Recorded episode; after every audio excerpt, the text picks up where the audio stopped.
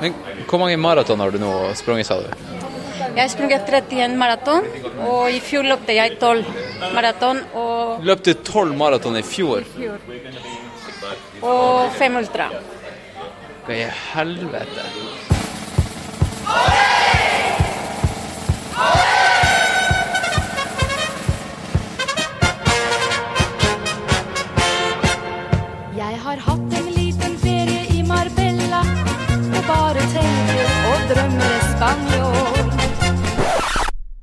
OK, da begynner vi. Rett og slett.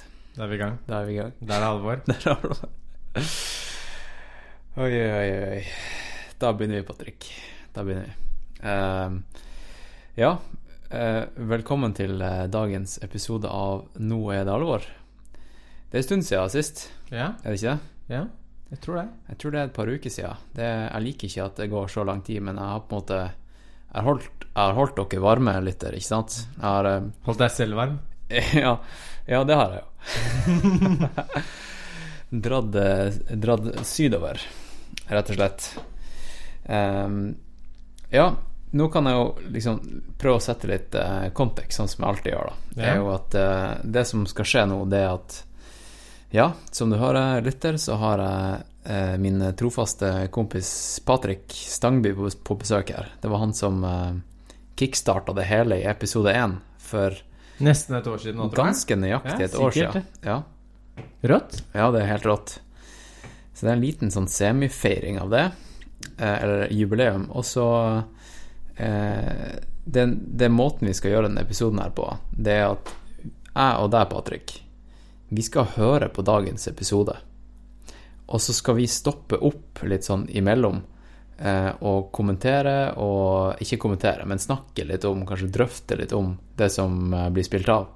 Det blir som den eh, langversjonen av DVD-en som ingen eh, så. Ja, di- editors, eh, director's cut. director's cut. Ja, ja nettopp. Eh, fordi innholdet i dagens episode, det er jo fra den turen jeg hadde på Gran Canaria nettopp. Jeg var jo i ti dager var jeg rett og slett på Granca. Blitt ganske tan. Blitt, har jeg blitt tan? Ja, du har, blitt, du har litt farge. Du har mer farge enn de som har vært hjemme i sludd og Sludd og regn. Ja, jeg, jeg fikk ikke den der klassiske split shorts-skillet som jeg hadde i Romsdalen i sommer. Eh, Men eh, ja, bare gi meg Hadde jeg vært der ti dager til, da hadde jeg fått det. Um, jo, for jeg, jeg var på, eh, på Granka på den her eh, årlige løpecampen til han Sondre Amdal. Um, I fjor var jeg der som deltaker, i år var jeg der som leder slash guide slash coach eh, og foredragsholder. Eh, og um, jeg hadde selvfølgelig med meg mikken, og det hadde jeg i fjor også. Jeg recorda jo podkast med han Didrik. Hørte du den episoden? Ja, jeg hørte den. Ja, ja. Jeg husker det. Det var den du klagde over eh, nøkler og Ja, av ja jeg recorda litt, litt av hvert der nede. Jeg, jeg recorda vel to intervjuer i fjor, og den ene ble en Den med Didrik. Ja, Den ble det, pod- det husker jeg. ja, ja. Og den andre med han Andreas, den ble jo ikke noe av. Nei. For det, da var det mye klirring. Eh, da var jeg ganske fresh på lyd, uh, lydgear og mikrofon og alt som uh, ja, hadde med audio å gjøre. Men, uh, men nå er jeg ikke det. Du kommenterte jo nettopp det, Patrick. Ja, det er litt av en rigg i Studio Disen her nå. Ja. Nå er det rett og slett et eh, lydkort som er plugga inn i en Mac, og um, to heftige mikker som er plugga inn i lydkortet, og som står på sånne armer, eh, som gjør at vi kan teppe i bordet mitt på kjøkkenet uten at det, det plukkes opp altfor mye lyd. Eh, og så sitter vi jo selvfølgelig i Studio Dissen, aka leiligheta mi. Eh, og eh, ja, hvordan annen kontekst kan vi sette? Vi kan si at det er mørkt ute. Det er fredagskveld. Fredagskveld. Det begynner å bli kaldere. Har snødd i nesten hele dag. Ja. Um, ja, vi møttes jo faktisk i morges også, vi to. Ja. Vi var på den såkalte ukentlige Freaky Friday. Freaky Friday på mølla. Ja. 07.00. Ja, det, og det var artig, for jeg kom tilbake fra Granka, og plutselig hadde dere, eh, du og de andre i et par andre i Skyblazers laga et, eh, Konsept. et, et konsept. Det Det ikke holdt enn ikke med styrsrag. Nei, nei, nå er det Freaky Friday, og den Jeg tror ikke vi skal si hvor vi springer den, for Nei, den, nei. den skal vi holde for oss sjøl. Ja.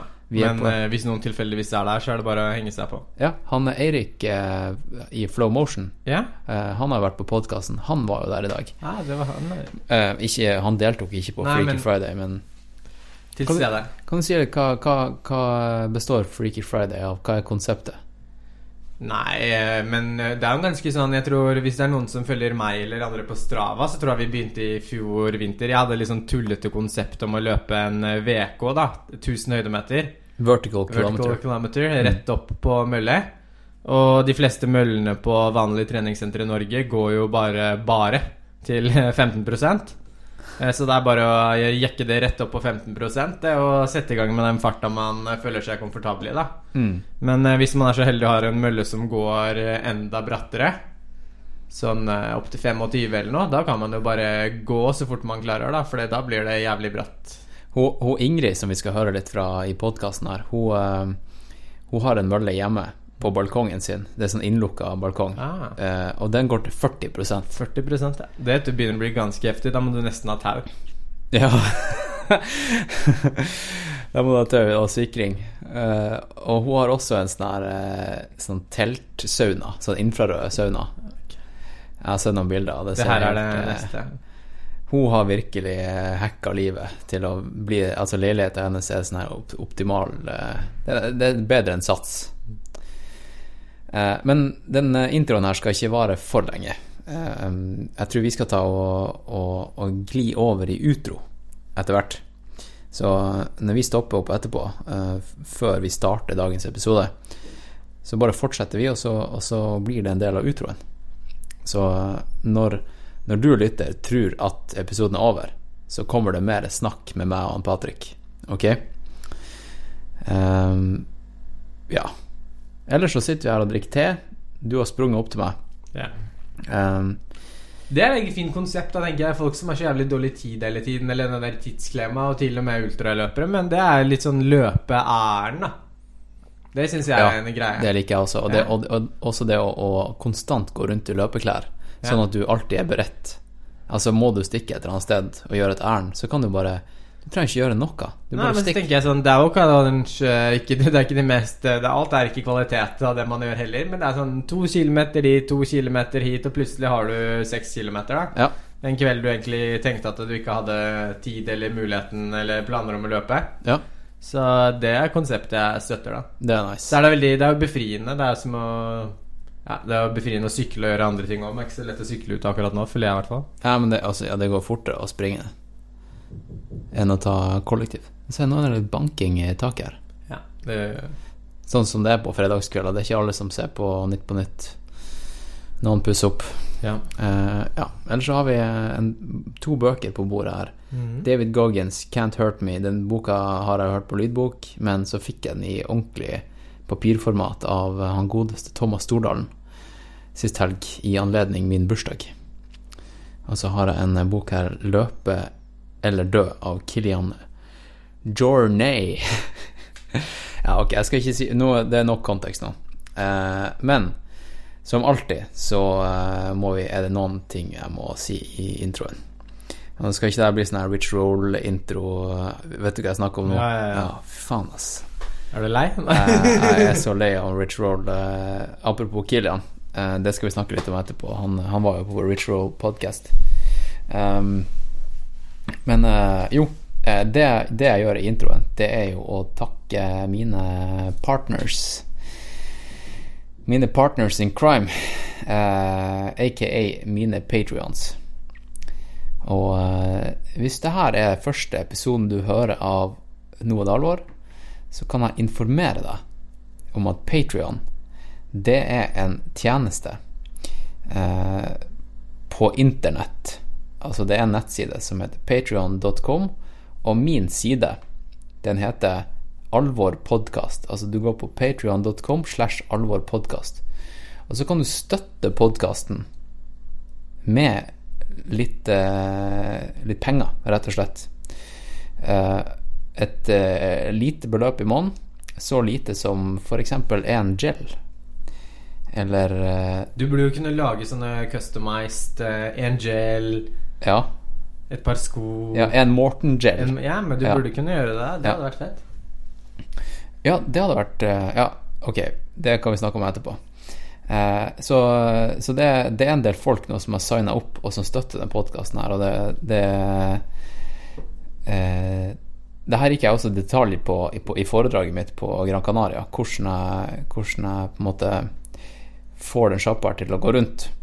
Men alt jeg kan eh, Det kan jeg snakke litt om etterpå også, kanskje. Ja. Og du trener mye, så Hans Christian trenger helt klart med flere gels. Så det er bare å støtte med Ja. flere gels her. Ja. Eh, men det, det jeg bruker å gjøre, da, det er, en sånn her, det, det er flere pakker man kan signe opp på. Og den ene pakka heter 'Mest bang for the buck'.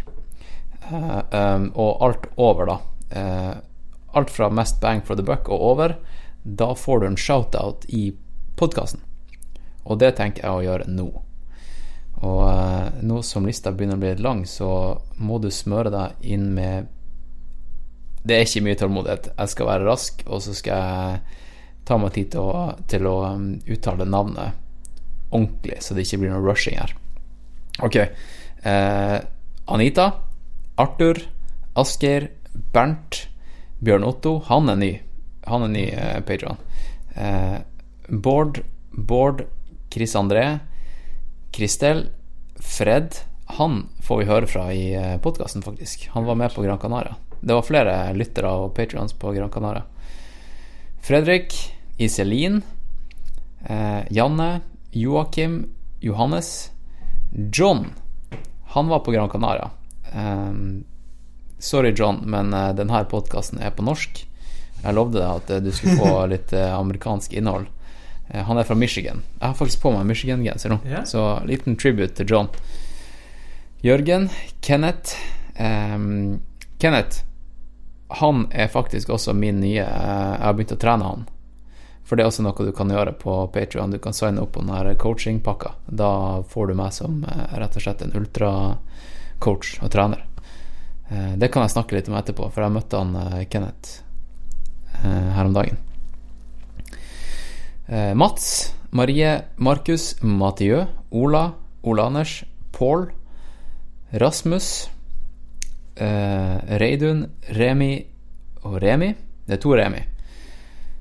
Robert, Ruben, Rudi, Sigrid, Silje, Ståle, Svein, Tarjei, Terje. Han møtte jeg på Bislett her om dagen. Eh, De henger der inne òg, ja, de gjør det, altså. Ja, han Terje er faktisk ikke ultraløper. Han er en eh, Ja, han var vel egentlig en sjukt bra 800-meterløper. Fire, fire eller 800, tror jeg det var. Kult. Eh, og jeg gikk faktisk på videregående med han Terje. Ja. Eh, og det var artig. Jeg tror han spilte håndball eh, gans, sånn hele livet, og så plutselig begynte han med friidrett, og bare bang, så ble han dritbra. Så han er nat natur naturtalent. Kanskje vi ser han Terje på Bislett i morgen. Ja. Thomas, Tor Erik, Tyler, Vegard og Vegard. Det var det. Det var dagens shoutout. Og så eh, vil jeg også gi en liten shoutout til eh, Moonlight. Moonlight Mountain Gear.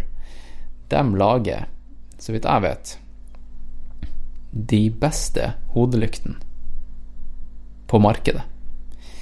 Både i form av eh, eh, pris, batteri og styrke. Den komboen der. Han, eh, han Sondre, som du kommer til å høre litt fra på podkasten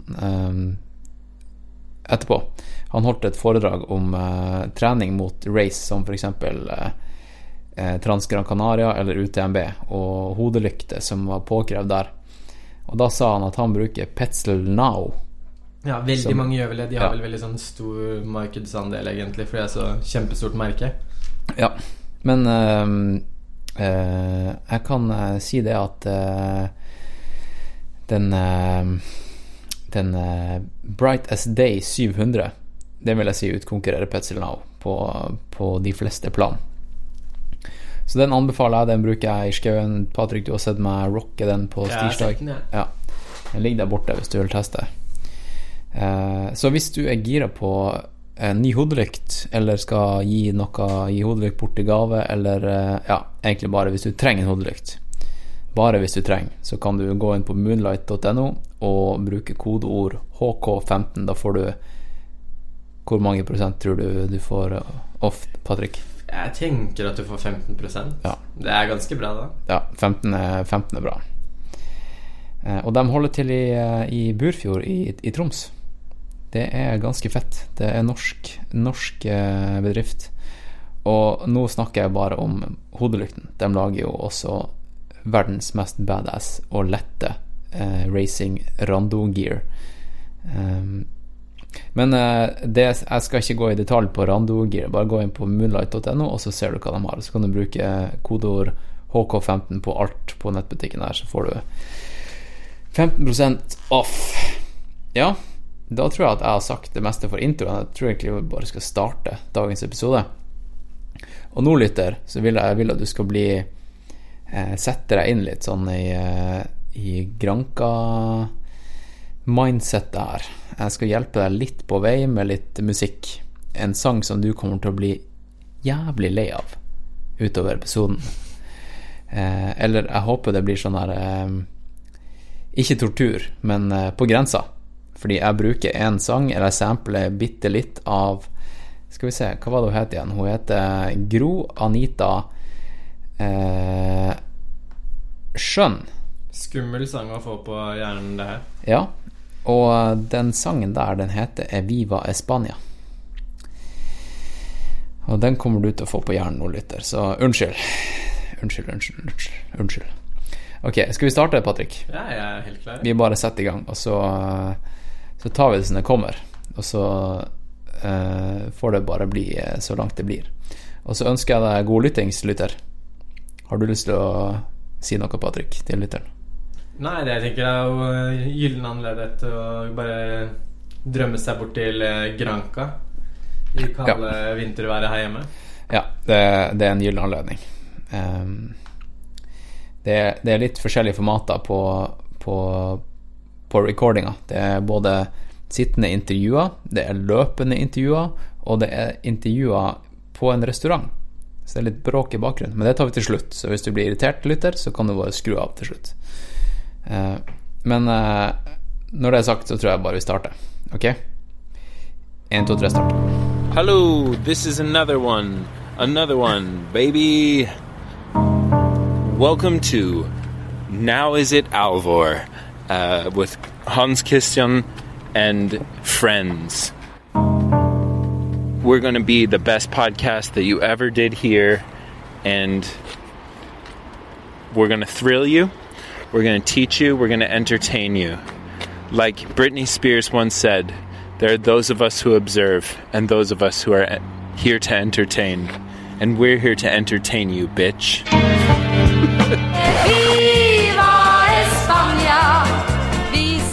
Ok, da har episoden begynt. Velkommen til uh, Det her er den offisielle delen av, av episoden, Pat Patrick. You made it. ja. Uh, nå har vi kommet oss over introen, og da, nå er vi på en måte backstage i den her Directors Cut, ikke sant? Uh, og det du skal få høre nå, det er Jeg gjorde et lite Jeg tok med meg mikken inn i et lite sånn møterom som vi hadde på, på campen, da.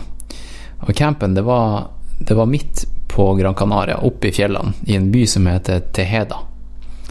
Og Teheda det er en av de små landsbyene som har springet gjennom på det her Trans Gran Canaria-løpet. Så det er egentlig en ideell spot å, å bo, ikke sant? Og i det her hotellet så hadde de et sånt konferanserom, og det brukte vi hver kveld for å brife deltakerne på campen eh, for morgendagens løype, og også holde foredrag. Så eh, da starta jeg bare nå med å liksom gi et sånn lite lydsample fra Jeg tror det er Sondre som eh, Sondre og Elisabeth eh, som er Ja, hun blir vel kona hans til, til sommeren. Ah. Eh, bare så bare for- Gratulerer. ja. eh, så nå, lytter, skal du bare få høre litt fra, fra stemninga på, på brifen, da. All right. We are here, Teheda. Teheda. And we will we will run up. This is Rocky Nublo. Rocky Nublo is here. It's up there. We will do a short out and back just to have a picture of the of the rock, and then we will do a loop like this on a balcony. Uh, with the caldera. This is Cru de Tejeda, where we with the, we, we were with the bus, and then down to Tejeda. so that's from nine o'clock. Um, it's 18k. It's about uh, how many? Elevation gain, I About thousand. mm, probably Yeah. probably. So the there is a quite a lot of elevation gain in the beginning, right, of the first Yeah, half yeah. going up to Rocky Nublo, and then the second part, which is the balcony. It's it's called the balcony because you have absolutely spectacular Mm. views. You're running along like a sort of a, a steep, I guess, with, with fantastic views, and then um, it's quite steep downhill from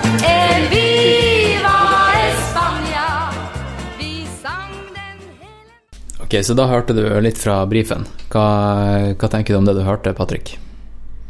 Nei, de snakket om at det var mye høydemeter, og man løp bortover en såkalt eh, balkong, som Ja. vi må vel kalle det på norsk. Ja, for det var ikke så veldig mange sånne rygger som vi har i Norge. Det, det er liksom bratt på én side. Og da er det jo så teknisk eller så farlig som du vil at det skal bli. Da kan, du kan jo velge å springe bort til kanten, men Ja, du må ikke. Nei.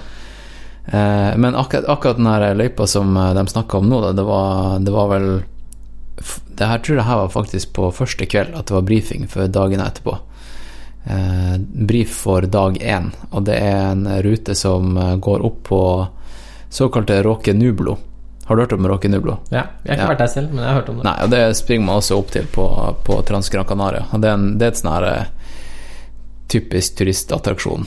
Hvis du tar sånne her turistbusser gjennom fjellene eh, på Gran Canaria, så stopper den med en kiosk med basen av Råke Nublo, så kan du gå ut på, på det her platået, da. Og Råke Nublo er en sånn her Det ser ut som en stor nese opp på toppen av et fjell. Eh, rett og slett bare en stein, kjempehøy stein på 80 meter som bare står der. Eh, og er ganske dominant i landskapet der. Så det var det de prøvde å beskrive. da. Ikke noe, det er ikke så særlig viktig for uh, podkasten, det her Rocke Nublo-greia. Eh, men nå vet du det, lytter. Rocke Nublo. Den er 80 meter høy, og eh, den er rett opp for Teheda på Gran Canaria. Ok, det neste du skal få høre, det er det er jo det lydklippet som du har hørt i forkant, Patrick. Jeg har gjort Ja. eh, litt research. Ja, jeg ba deg gjøre hjemmelekse, og det var å høre gjennom det her. Hørte det faktisk på en løpetur i går. Ja, fett. Og det her har også mine patrions hørt også. Fordi eh, jeg liker å gi litt early access content til mine patrions. Eh, så de har hørt det, eh, og du har hørt det, Patrick. Jeg har hørt det. Og så skal jeg Kanskje bare skal ta skippe litt sånn eh, Ja, lytteren skal selvfølgelig høre hele greia nå, og det er jo det er jo et løpende intervju med legenden Sondre Amdal. Um, og da springer vi fra Der er vel på en av de lengste dagene, der vi springer først 35 km, og så spiser vi lunsj. Og så starter vi rett etter lunsj Så starter vi en kjempebratt oppoverbakke. Og det var her jeg intervjua Andreas i fjor. Det var det intervjuet som gikk gaiken. Med nøkkelrasling. Jeg tror jeg hørte deler av det, faktisk. Ja. Det ganske det, det var mye rasling, men det var mye Ja. pusting i de Det er mye høydemeter. Jeg tror det, jeg tror, jeg tror det er 12 kilometer fra lunsj og til, eh, til hotellet vårt. Og jeg tror ikke jeg tar helt feil om jeg sier at de 12 kilometerne tar eh, to-tre timer. Ja. Høres riktig ut, det. Ja. Så det er nå offisielt blitt podkastbakken. For det er andre året på rad at jeg recorder podkast der. Så det skal du få høre nå, eh, lytter. Og altså, sånn helt seriøst, hvis ikke du vet hvem han eh, Sondre Amdal er, Så må du skjerpe deg. så må du skjerpe deg. Eh, Hvis ikke, så har du Google. ja, da, da har du Google. Ok, da spiller jeg det til deg, lytter. Ja, det er, det, nå er det alvor, folkens. Å nei. Jo. Nå hopper vi rett inn i en recording. Så nå, nå er det podkast. Og hvis, den, eh, hvis, hvis folk eh, holder stilt, så blir det en Patrion-episode. Og hvis ikke, så går den i iTunes. Ja, er det noen som har en topic? Noe de har lyst til å ta opp? Kanskje skal sette litt kontekst først. Sondre, du kan jo si hvor vi er. Ja, vi er på Transgran Canaria-ruta etter ca. 65 km til Artemara. Vi har ikke løpt de 65 km. Det har vi ikke. Nei, men eh, Men det er her det er her er du halvveis hvis du løper Transgran Canaria, og her starter advanced. Her starter miniløpet. Barneløpet. vi har utsikt mot uh, Teide. Ja, Det en er, fantastisk dag. det er ca. 14-15 grader i skyggen. Det er strålende sol. Og nå er vi en gjeng på ja, åtte, åtte stykk. Vi har nettopp spist eh, lunsj, en eh, såkalt bocadillo, bocadillo, bocadillo Bocadillo. med spansk omelett. Og vi har drukket dagens eh, fjerde kaffe. Nå trener vi på å løpe rett etter mat. For det er, Ja, for det er jo en greie med ultraløping. Spesifisitet. Ja. Ja. Håpløst ord. I fjor I fjor så recorda jeg jo akkurat her. Og det er jo en grunn til at jeg recorder nå. Det er jo Jeg tenker det her blir en tradisjon, da. At den bakken vi skal springe opp nå, det blir podkastbakken. Og da hadde jeg nøkler og småpenger i lomma. Som gjorde at recordinga ble rett og slett ødelagt. Så den ble ikke noe av. I fjor? Ja, da, Ah. da, da intervjua han Andreas eh, Claesson. Ja, ja, ja. ja, ja. Og vi ja snakka om, om eh, Western States og baking. Ok, okay. Ja, hører du vannet mitt, da? Nei, det, det går bra.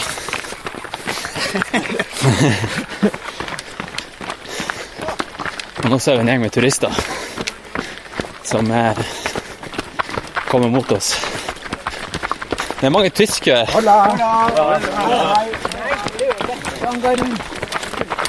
De var norske. Ja, de var norske. De fleste er laga tys tyske. Ja, Sondre, du hadde jo et lite foredrag i går Ja, der du hadde tre punkter som på en måte virkelig satte seg i hodene til folk. Det har vi snakka om mye i dag mens vi har løpt. ja, så bra. De tre punktene, hva var det? Det som jeg syns er viktig, det er at man har kontinuitet i treningen. Så må treninga være spesifikk, og så må man ha det gøy. Det er det viktigste. Det siste. Det er det absolutt viktigste. Fordi er det ikke gøy, Så gidder du ikke å være, ha, en, ha kontinuitet. så de tre, da Det er på en måte et gyllent triangel. Ja. For meg, da. Ja. Nå er vi jo på Vi er jo på, på den årlige løpecampen på, på Gran Canaria. Det er vel det fjerde gang du arrangerer det her nå. Ja, og så har jeg et par uh, uoffisielle før det. Med en legendarisk med Didrik og meg, solo. Året etter så hadde vi med eh, Johan Lands og Elav Olsson fra Sverige. Men eh, så har det vært fire år med ja, vanlig, vanlig camps. Og hvor mange er det som bruker å være med på de campene? Em, I eh, år er det vi 14 på den første uka, så er vi 19 på den andre uka. For det meste nordmenn. Det, det er ikke alle her som er her for å trene til Trans Gran Canaria-racet. Nei, det i denne gruppa vi har nå, har to som skal løpe Transgran Canaria. Resten har eh, ja, lyst til å være med deg og meg på løpetur og lære om trail-løping og kanskje lære litt mer om ultraløp. Ta en, og ta en eh, alternativ eh, reise til Syden. Ja. Det er bare å ha det bra ei uke. Ja, få ha det fett i sol og varme. Det er jo lov. Ja. Nå eh, tok vi av på en liten avstikkersti her. Fra en, eh, fra en amerikansk buffed out trail til en litt mer teknisk sti her. Du, du har gjort, gjort det Trans, Gran- Canaria-racet tre ganger og fullført to. Nei, jeg har uh, fullført tre og prøvd fire ganger. Ok. Ja. Hva som gjør at du uh, droppa ut den, uh, den fjerde gangen? Nei, jeg, jeg vet ikke. Det var bare en dårlig dag, og uh, det, alt Alt gikk skeis. Mat og magen og Så ble jeg fra løpt ganske tidlig av, eh, ei jente, og det, det satte seg litt hos meg. Oi, ja, ja, det er helt sant. Hvem var jenta? Eh, Caroline Chaverot, Ok, ja, som vant løpet. hun vant ra- racet. Det visste jo jeg. Ja. Og da ble jeg litt syka ut. Det er helt sant. Det har jo et, et, eh, et, et uttrykk, Ja. og det er jo to get chicked. Ja, ja. Men Jeg har blitt det mange ganger, altså. Og det er helt fint.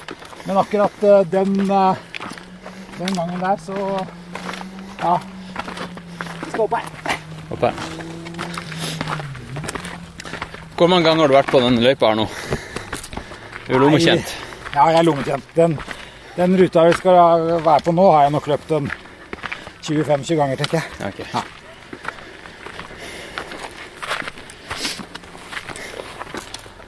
Jeg husker i fjor da jeg gjorde intervju med han eh, Didrik mens vi sprang. Ja. Da var det akkurat sånn her at alle bak oss, de holdt kjeft i den timen vi snakka. For de følte at de på en måte var At de hørte på podkasten live, da. ja, ja, ja.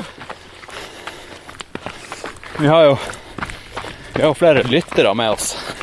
Han Fred, eksempel, bak her. Han har jo vært en trofast lytter siden dag én. Det er bra. Det er helt kanon. Ja.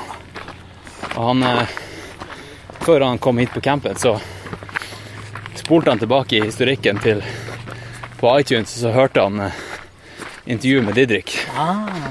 Var for mentalt preppe seg. Ja, ja, ja. Vi må jo si at det er dumt at eh, Didrik ikke er med i år, da. Så vi må jo sende noen tanker til Didrik. Sender shout-out. Ja, vi må det. Ja.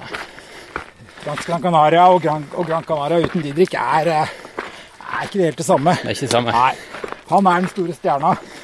Han ble jo stoppa her i fjor, husker jeg. Ja. Av flere. Han bare Han var som han Michael Jackson på stien. Og at Michael Jackson er død, da. Ja, ja. Det er viktig å løpe ut her, da. Liksom. Her er det mange som løper feil. Jeg tror vi løp feil her i fjor. Ja, og komme inn i, inn i baksida.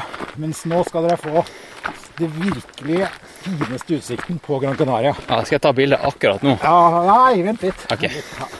Så kan jeg vise lytterne. Ja.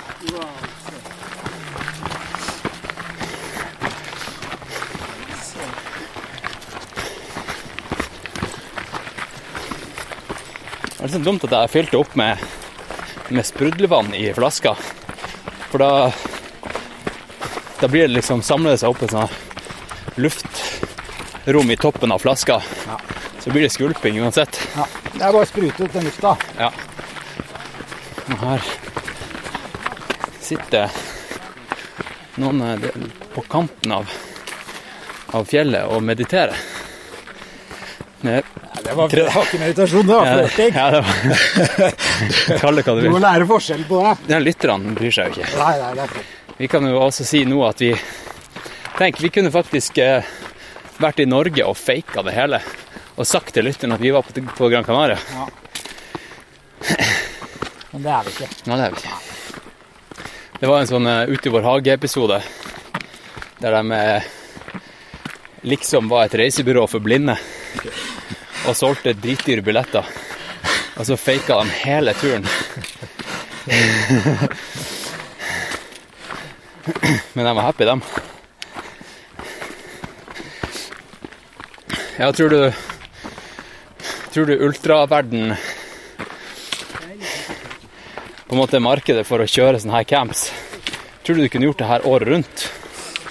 Um, nei, det kunne jeg nok ikke, ikke året rundt. Men jeg tror at, at det er et marked for å gjøre flere turer. Um, og det har jeg tenkt litt på. At jeg skal prøve å gjøre flere turer, og kanskje mer tematisert. Aha. Mot spesifikke race, liksom? Ja, eksempel. Eller, eller litt mot markedet. Nå, nå er det jo mye nordmenn med her. Men eh, jeg tror at kan gjøre mer i andre store eh, ultramarked, sånn som f.eks. England. Ja. For du, etter den campen her så drar du til Lanzarote Ja. og har camp med Ian Corliss. Så mange kanskje kjenner han fra Ja, er man kjenner han fra, egentlig? Han er jo fotograf og podkaster og Ja, ja. innholdsprodusent fra mye ultra- og utholdenhets-events. Han er jo på de fleste store eventene. Ja. Skyrace og Ja, så jeg der er, der er det Den campen er det jeg og Ian og Elisabeth som, som har. Um, og den er jo spes spesifikk mot Marathon de Sables. Ja. Um, så, men det er, så er det klart, hvis man skal gjøre noe her mer på Gran Canaria, så ville det jo være uh, Ha mer trail og ultratrailfokus. Ja. Ja. Nå hørte folk kanskje en notification fra telefonen min. Egentlig så har jeg det litt sånn prinsipp at det er fy-fy å ha lyd på Å ha på lyd på når du er ute på stien. Men eh, i dag så har jeg det på fordi jeg ville høre om du ringte, f.eks. Ja, ikke sant? Ja. Men i dag er jo gruppene ganske like, så det blir Ja. ikke så, Det er sant, det. så mye gap imellom. Ja, for vi har splitta opp i tre. Ja, Det er sånn vi bruker å gjøre det. Eller du ja, ja. har gjort det de siste årene. ja. ja det er eh, Det er liksom i forhold til ambisjonsnivå og, Ja. og nivå. Ja. ja. At man, eh, ja, noen springer fort, noen springer medium fort, og noen eh, Litt saktere. litt saktere. Og dermed Og så går det an å arrangere en camp for alle. Ja. Og det, det pleier å funke veldig bra. Og, men da er, det jo, da er det jo avhengig av å ha størrelse til å kunne fylle tre grupper, da. Ja, det er sant. Ja. Men det har funka fint så langt, i hvert fall. Ja. Men jeg tror, for tilbake til spørsmålet litt om, om om å gjøre flere Jeg tror vi kan ha flere deler, eller flere ganger i året. Nå er det jo vært januar, men det kan sikkert gjøres på høsten også. Ja. Um, og så tror jeg at man kan ha eh, camper som er mer spesifikke mot UTMB, f.eks. hvis det er noen som har lyst til å løpe det. Eller mot mer etappeløp. Ehm, ja.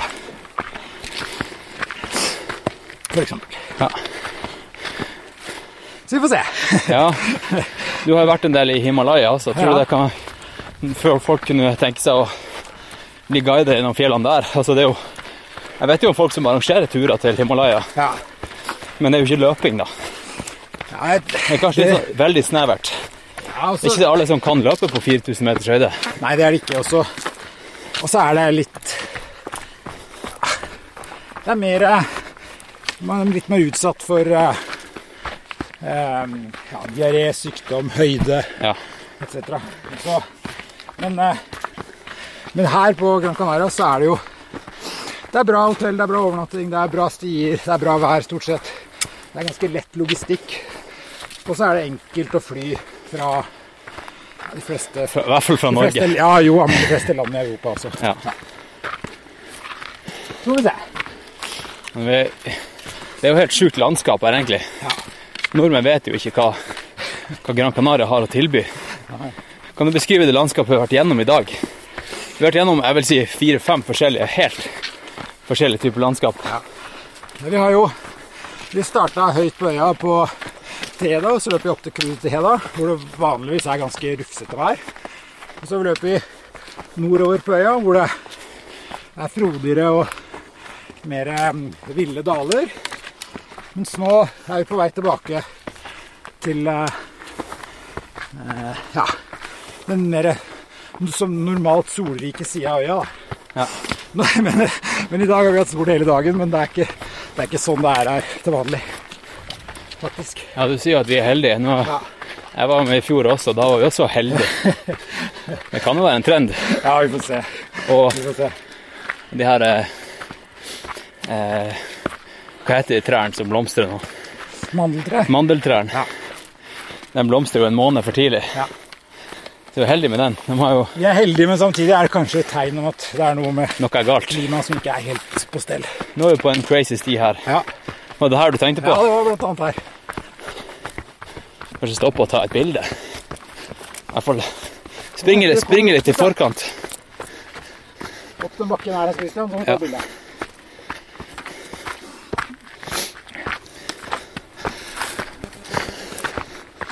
Ta bilde av de andre bak her. Ja, det er episk. Det er hver gang.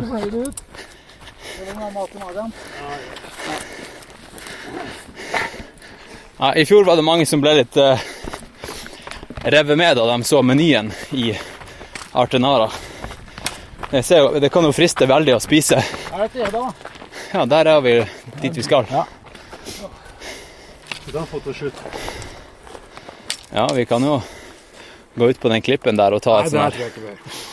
Det er ikke bra for Hvis, uh... hvis det er noen som trenger Tinder-bilde, så kan man gå opp på den klippen der og så stå på én fot. Eller ta av seg buksa. Ja. Ja, skal jeg si det. Bare gå. Ja. Ja, jeg, jeg trenger ikke å være på Tinder.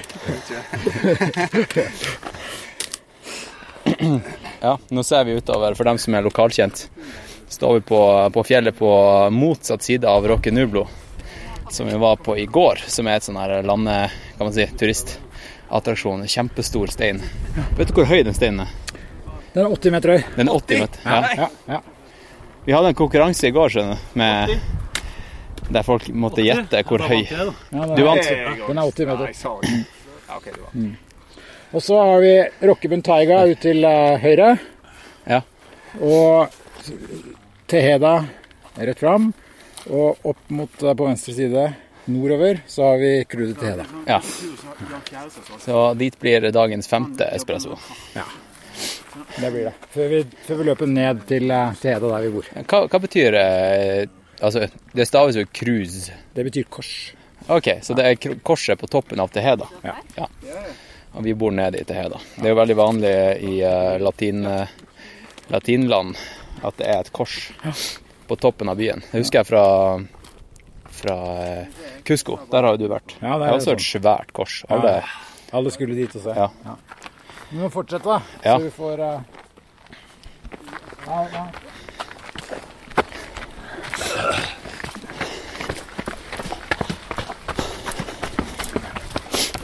Jeg skal ta og Jeg har litt eh, småpenger her som rasler litt.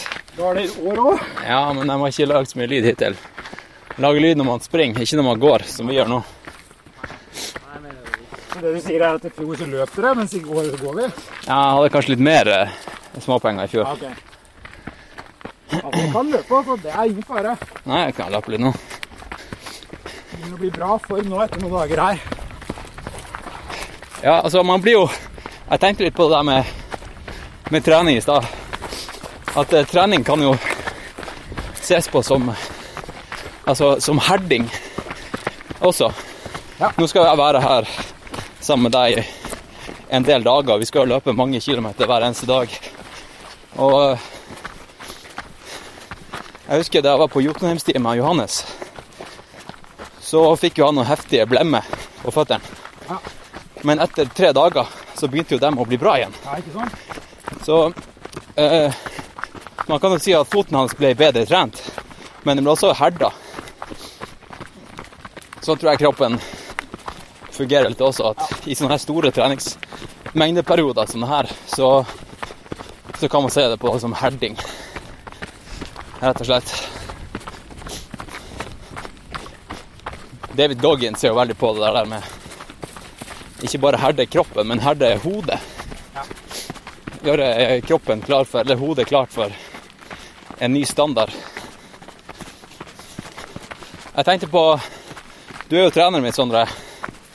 At uh, i år så kunne vi egentlig bare gjort akkurat samme som i fjor, men bruke miles i stedet for kilometer. Ja, ja Så det er bare å gange alt med 1,6. Ja? Da blir man jo 1,6 ganger bedre. Ja, det er vel ikke så enkelt. Tenk om det har vært så enkelt. Ja, ja. Ja. Du må jo trene 1,6 ganger smartere nå, da. Ja, det er sant. Spise 1,6 ganger bedre. Mere. Sove, sove 1,6 ganger bedre. Ja. Ja, altså, man trenger jo ikke å Man kan jo gange alt i livet med 1,6. Det er jo altså ukesmessig også. Egentlig så er det jo bare tull at vi bruker ukedager i forbindelse med trening. Ja, det er det. Og kroppen kan ikke, holder ikke for rede på om det er en søndag eller en mandag. Nei. Så det, mindre du har veldig mye jobb på mandag. Og fri på søndag. Ja, det er sant. Men eh, det er ikke alle som har det sånn, da. Nei. Men det er mange, mange kjente maratonløpere som har brukt eh, ti, ti dagers syklus istedenfor syv dager. Ja. Så det, det er noe å tenke på. Jeg syns han podkasteren begynner å puste litt, jeg. Ja.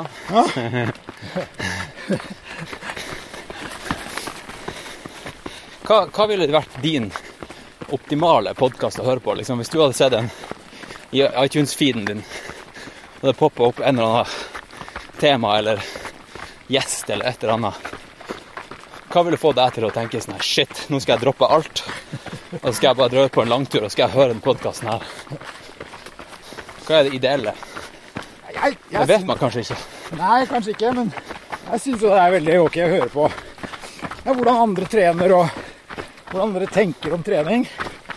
Eh, det, det fascinerer meg. Har du hørt noe på den her Coaches Corner til han der eh, ah, Hva er det han heter? Fred, du vet hva jeg snakker om? Eh, Science of Ultra. Ja, ja, ja. Ja, Sean ja, ja det har jeg hørt på. Det har jeg, hørt på. Det er egentlig ganske artig, Ja, for at de har fire ultracoacher. Ja. Paneldebatt. Og det er artig å høre liksom at alle har egentlig ganske forskjellig approach, Ja. eh, men trener elitefolk. Ja. Det er så sykt mange veier til rom. Det er veldig veldig mange veier til rom, og det, og det, det er viktig å forstå for både eliteløpere, men også for, for vanlige, vanlige løpere. At det er ikke det er ikke én måte å bli god, god i ultraløp på. Det er, Det er jo ikke sikkert alle skal til rom heller. At Nei, det er liksom å vinne. Nei, men uansett, da. Uansett om ikke du skal til, til vinne, så, så, så er det jo noe med å trene så ja, Kall det riktig, da. Jeg tenker Som de mulig. fleste som, som eh, leier inn en coach, de er jo ikke alltid på jakt etter å, å, å vinne, men de er jo på jakt etter å bli så god som de kan bli. Ja, nettopp. Og, og da er jo det rommen din, da. Ja. Ja. Captain Morgans. Ja, ikke sant? Ja, nå springer vi opp på en flott liten eh, Jeg vil ikke kalle det rygg. Dette er, balkong. ja, dette er jo en av de fineste stiene på Gran Canaria. Ja. Så dette her er viktig. Vi burde egentlig ikke Burde ikke podkaste her. Nei, vi burde egentlig ikke. Vi burde sett ut og, nytt liv, nyt livet. Kan ikke drive og stirre ned på volumkontrollen her. Jeg er veldig opptatt av at, eh, at det er behagelig å, å høre på mens du springer. Ja. De fleste podkastene jeg lager, de testløper jeg jo i forkant før jeg publiserer. Ja, den er bra. Nei, De podkastene jeg hører på, så er det stort sett på, på eh, lange løpeturer. Eller eventuelt hvis jeg sitter på lange flyturer, så kan det også være, være bra. Ja. Men så er det noen som har for lite volum på, sånn at eh, det ikke er så lett å høre på når en løper. Ja, det er faktisk ganske irriterende. Ja, det er irriterende. Men det kan hende at det er jeg som begynner å bli gammel, da. Ikke høre, høre Ja, men jeg er jo, jeg er jo skyldig sjøl i å fucke opp med lydproduksjonen og sånt. Jeg har jo lært Altså, nå har jeg holdt på et år. Lært mye. Jeg kan jo si unnskyld til alle lyttere hvis I starten så var det litt sånn Ja, half ass. Men det var ikke meninga å være half ass. Det var nå bare sånn det ble. Jeg har ikke tatt noe utdanning i lydproduksjon eller miksing. Men jeg syns også det begynner å bli veldig bra. Ja. Jeg må si det. Jo, takk. Det er jo bare platå på platå her med utsikt. Herregud.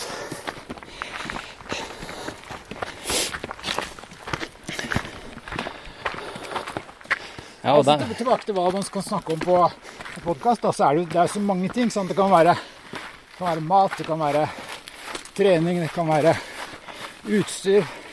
Eh, det, syns- det, ja. Og jo egentlig for min del, altså noen ganger, hvis jeg er i humør til det, jo særere, jo bedre. Jeg synes det kan være ja, du, jeg hørte jo på den her Ultrarunner podcast, og da hadde han jo ei som var sånn sadomasochist, som også var ultraløper, okay. og også var coach. Okay. Ja, men- Det var veldig interessant. Ja, det må jeg høre på. Ja. ja, det er jo ultraløping er jo på en måte borderline sadomasochisme. Ja, det er det. Det er det. Det Enig. er jo bare det at hun i tillegg virkelig tenner på det, som er greia. ja, ok, okay. Men det var Det jeg syns var artig med den podkasten, var at hun sa at hun hadde en, eh, en løper som hun coacha, som eh, Ja, de skulle delta i samme race, da. Og da har hun på en måte avslørt hvem hun coacher, Ok, ikke sant? ja. Hvis du går inn på startlisten, så skjønner du da hvem det er hun, hun coacher, og du avslører at vedkommende har leid inn en sadomasochist-dame. Jo, det Altså, hun lever jo av sånne, her, sånne her telefoner. Ok. Eh, Ja, ja, why not? ja, det er jo Kan det være en super coach for Det kan jo være en dritbra coach. Ja, ja, ja. Kanskje du må lese noen bøker på det, Sondre? Ja, det. Uppe gamet, eller få en sånn eh, ordentlig nisjesegment. Ja. Hvor mange kilometer blir det i dag? 44 ca.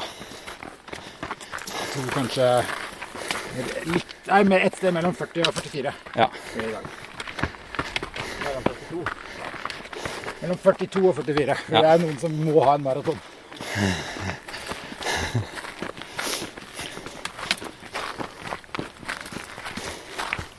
Ja. Ja. Jeg får ta et bilde her også.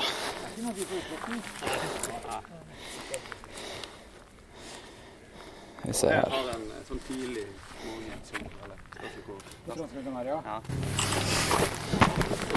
Du Sondre, er det noe Nå er det forresten alvor igjen. ja. Er det noe som du ser at noen gjør i trening eller i, i livet, som altså folk som prøver å bli bra ultraløpere eller idrettsutøvere, at du tenker at det der er helt unødvendig? Dropp det. Feil fokus eller whatever. Ja. Det er, det er klart at alle må jo bestemme for seg hva som er hva som funker, og hva som passer for dem. Men eh, det som jeg syns kanskje mange burde tenke over, det er hvordan hvor avhengig de er av, av teknologi og pulsklokke og GPS-klokke og måling og sånt. Og kanskje tenke å lytte mer til kroppen. Det er noe av det som jeg syns mange gjør Jo, feil, faen heller. La oss si det som det er. Ja. De gjør det feil. Jeg syns de gjør det feil. Og det skyldes at i et langt løp så Jeg kan ikke forstå hvordan det skal kunne fungere å ha en datamaskin på venstrearmen som skal kunne bestemme om det er fort nok eller sakte nok, eller om det er riktig intensitet. Det må hver enkelt løper kunne eh, vite selv. Kjenne kroppen sin så godt at man vet at Nei, nå, nå kan ikke jeg holde et så høyt tempo. Eller kanskje at jeg kunne ha økt litt. Rann. Ja. Det, det, og det, men det er ikke sånn at man kan Hvis man bare, hvis man har vent seg til å bare trene på puls, f.eks., eller laktatmåling eller sånt, og så plutselig legge bort det når konkurransedagen kommer, det tror jeg ikke er så bra. Jeg tror man må eh, i trening lære seg å, å kjenne kroppen. Ja. Og dette er litt kontroversielt, at det finnes en, en gigantisk industri som gjerne vil selge VO2 Max-målinger og pulsklokker og laktattestere og alt mulig sånt. Men jeg syns at, at mange ultraløpere hadde hatt mye å tjene på å, å lære seg kroppen å kjenne uten, uten all mulig sånn fjas. Jeg tror jeg kan si meg enig i det. altså.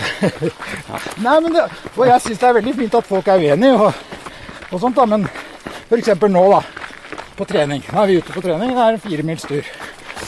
Om vi om vi er i sone én eller to, hva spiller for rolle? Ja. Det, det viktige er at vi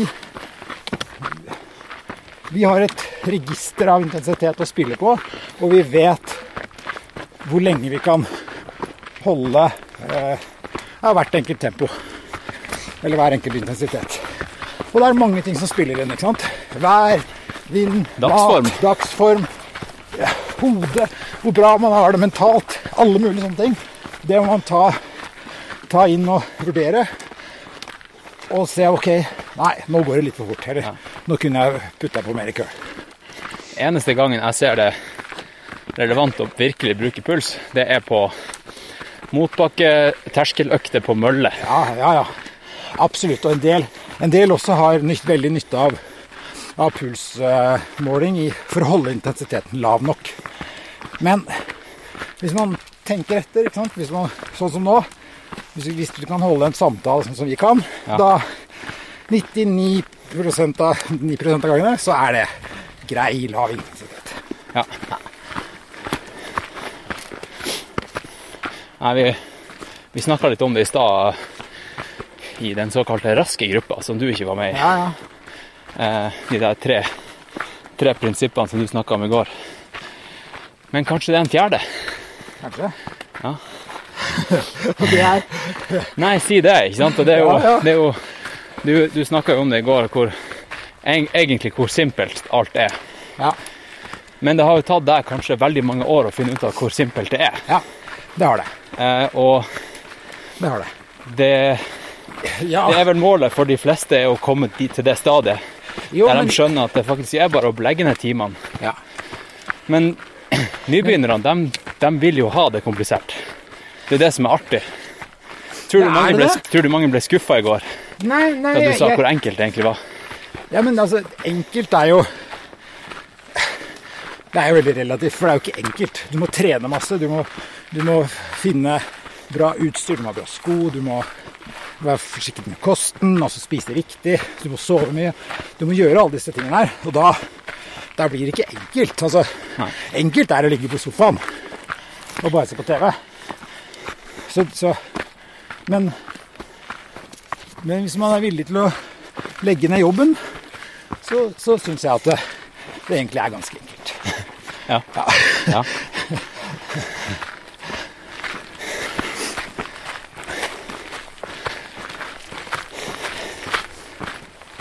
nå er vi på vei opp en eh, ja, Akkurat den skråninga her i fjor, da jeg gjorde innspilling med Andreas Det var da vi Det var da jeg spurte om eh, for Han ga meg i detalj en eh, gjennomgang over hvordan han baker wienerbrød fra scratch. Ok, Det var hans favoritting. Eller croissanter, var det vel. Hvordan han legger lag på lag med smørdeig. ok. Og så var det selve bakeprosessen, da. Og da Jeg syns sjøl at det var kjempeartig da jeg spurte om han eh, kunne sammenligne seg sjøl med croissantene i ovnen når han skulle springe Western States. For det er såpass varmt der. Det er synd at det ikke ble en offisiell podkast eller bra recording. Men eh, det var jo artig hvor, hvor fort tida gikk når man eh, re- recorde og springe. Er det Nå- derfor du gjør det? Nei, nei.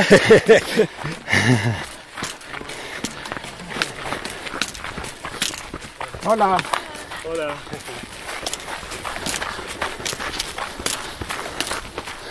Hva tenker du om stav, staver i, i race, Sondre? Når er det riktig å bruke staver i race? Altså, hvilken type, hvilken type race skal man bruke staver i? Det er jo igjen da, veldig individuelt, men for, eh, for meg så bruker jeg staver i, i lengre ultraløp, hvor det er eh, mye stigning, mye bakker, og bakkene er Eller stien er bred nok, sånn at måtte får satt stavene nedi. Ja. Og eh, ikke for steinete, sånn at ikke spissen kommer ned mellom steinene. Og så må det jo selvsagt også være lov med staver. Det er jo en del løp som, hvor det er forbudt med staver. Ja. Klassiske race som er sånn klassiske stavrace. Hva er det? UTMB? UTMB for eksempel. Fransk Gran Canaria. Eh, Transvulkania. Er mange som bruker staver. Ja, og mange flere. Men mens i Ultra Telmon Fuji eksempel er det forbudt. Det er det, ja? Ja. Hvorfor det? Jeg tror det har med miljø å gjøre. De er redd for at det skal ødelegge stiene og terrenget. Eh, diagonal de Fu på Reunion er forbudt. Samme grunn, eller? Ja. Nasjonalpark og Jeg tror det. Jeg tror alt det der? Ja. Men så må man jo selvsagt lære seg å bruke stavene da, hvis man skal i trening, hvis det skal være noe poeng å, bruke det i konkurranse. Trener du som regel med staver? Ja, når jeg løper sånn bakker og sånn som langtur som i dag, så bruker jeg staver. Ja. Det er bare de siste par årene at det har blitt virkelig populært med staver. Ja, ja. Hvorfor tror du det, egentlig? Tror du det er for at det har ikke blitt sett på som ordentlig løping? Ja, Sånn, jeg tror at i begynnelsen så De som brukte det, ble sett på som litt sånn sære. ja, trenger du hjelp, eller? Ja, men eh, så så man jo etter hvert at, at de løp bakkene fortere enn de andre, og da tror jeg mange tenkte at faen, eller det må jeg jo prøve. Litt sånn doping? Ja, kanskje. Og så har jo også stavene blitt lettere, billigere, enklere å få tak i. Ja. Og så ser man jo at liksom noen av de store stjernene bruker det, og det har jo kanskje blitt litt mer kult, da. Ja. Kilian og Francois Den og ja, mange mange- av de beste. Mange som også bruker det i sånne VK, altså vertical kilometer. Ja, ja, ja. motbakkeløp. ja. Men da er det ofte en annen, litt annen teknikk, og Ja. Mange bruker da stivere staver eh, uten eh, som ikke er sammenleggbare, f.eks. Og lettere staver, kanskje. I Sånn. ekstreme VK-løp, da. Ja, det, det er jo det her folk vil høre, Sondre. Ja, ja, Det er det her som gjør at det er ikke så lett. Nei, ikke bare de tre punktene. nei, men det er jo spesifisiteter, ikke sant. Hvis du, hvis du ikke trenger å legge sammen stavene, så er det ikke noen grunn til å ha sammenleggbare staver. Nei. Da er det jo bedre å ha en superlett karbonstav, eh, for eksempel da. Som er fast, og da vil den jo bli stivere, og da vil du få mer kraft oppover. Jeg merker at eh, de gangene jeg har sprunget med staver eh, jeg, spr jeg sprang første gang med, med stav i Peru, for da måtte jeg ha noe i hånda og kunne forsvare meg med okay. for hunder. Ja, ja. Det var et eller annet som var sånn skikkelig betryggende Ja. Med å ha staven i hånda. Og så leste jeg en artikkel nettopp der det viser seg at eh, sant, mennesket har som regel alltid hatt en stav i hånda, Ja, en kjepp, ja. en kjepp, Ja. for å forsvare seg. Ja, Eller. ja. Eh, og jeg husker i Peru at det liksom føltes rett da jeg plukka opp den staven. At det liksom trigga noe primalt. ja kanskje det. Eh, og det Mange gjetere bruker jo staver, eksempel. Ikke sant? Eh, Kanskje det var stav man brukte for å komme seg fra ape på fire bein til å liksom begynne å ha noe å lene seg på. ikke sant? Kanskje det. Jeg tror ikke det var karbonstaver som er 104 gram. Nei.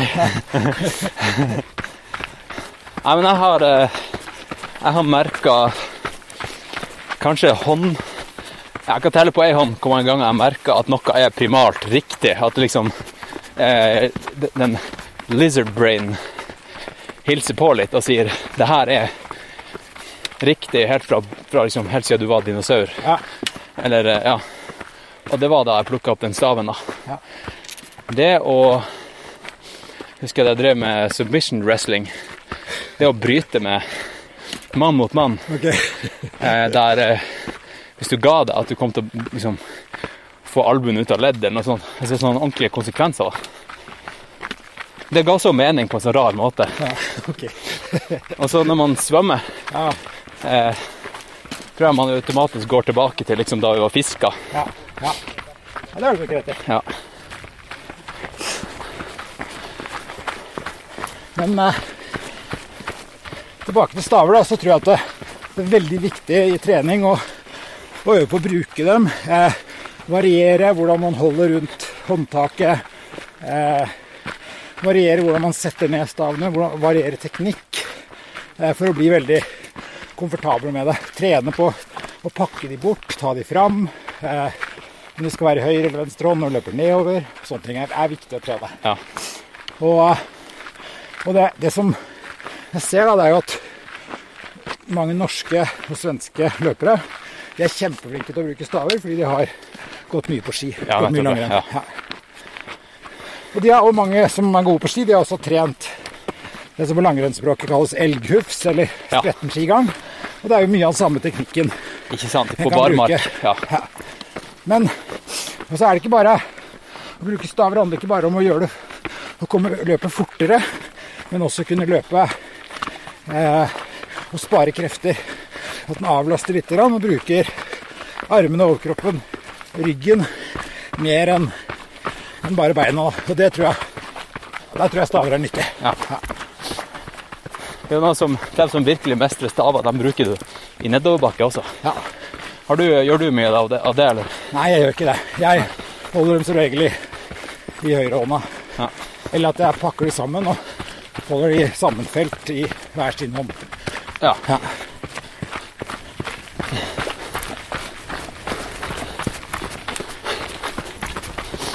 Nå har jeg faktisk sprunget fra de andre. De ligger felt bak der. Kanskje, bak, da. kanskje de bare tenkte at vi trengte litt, eh, litt tid for oss sjøl.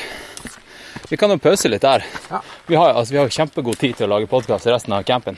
Ja, Vi har jo en camp til. ja. ja. Vi kan se om vi har endra mening da, neste uke. Ja, vi kan ta en Ja. før og etter. Ja, ja, ja. Jeg tror vi skriver det sånn her. ja vi gjør. Ja. Ja,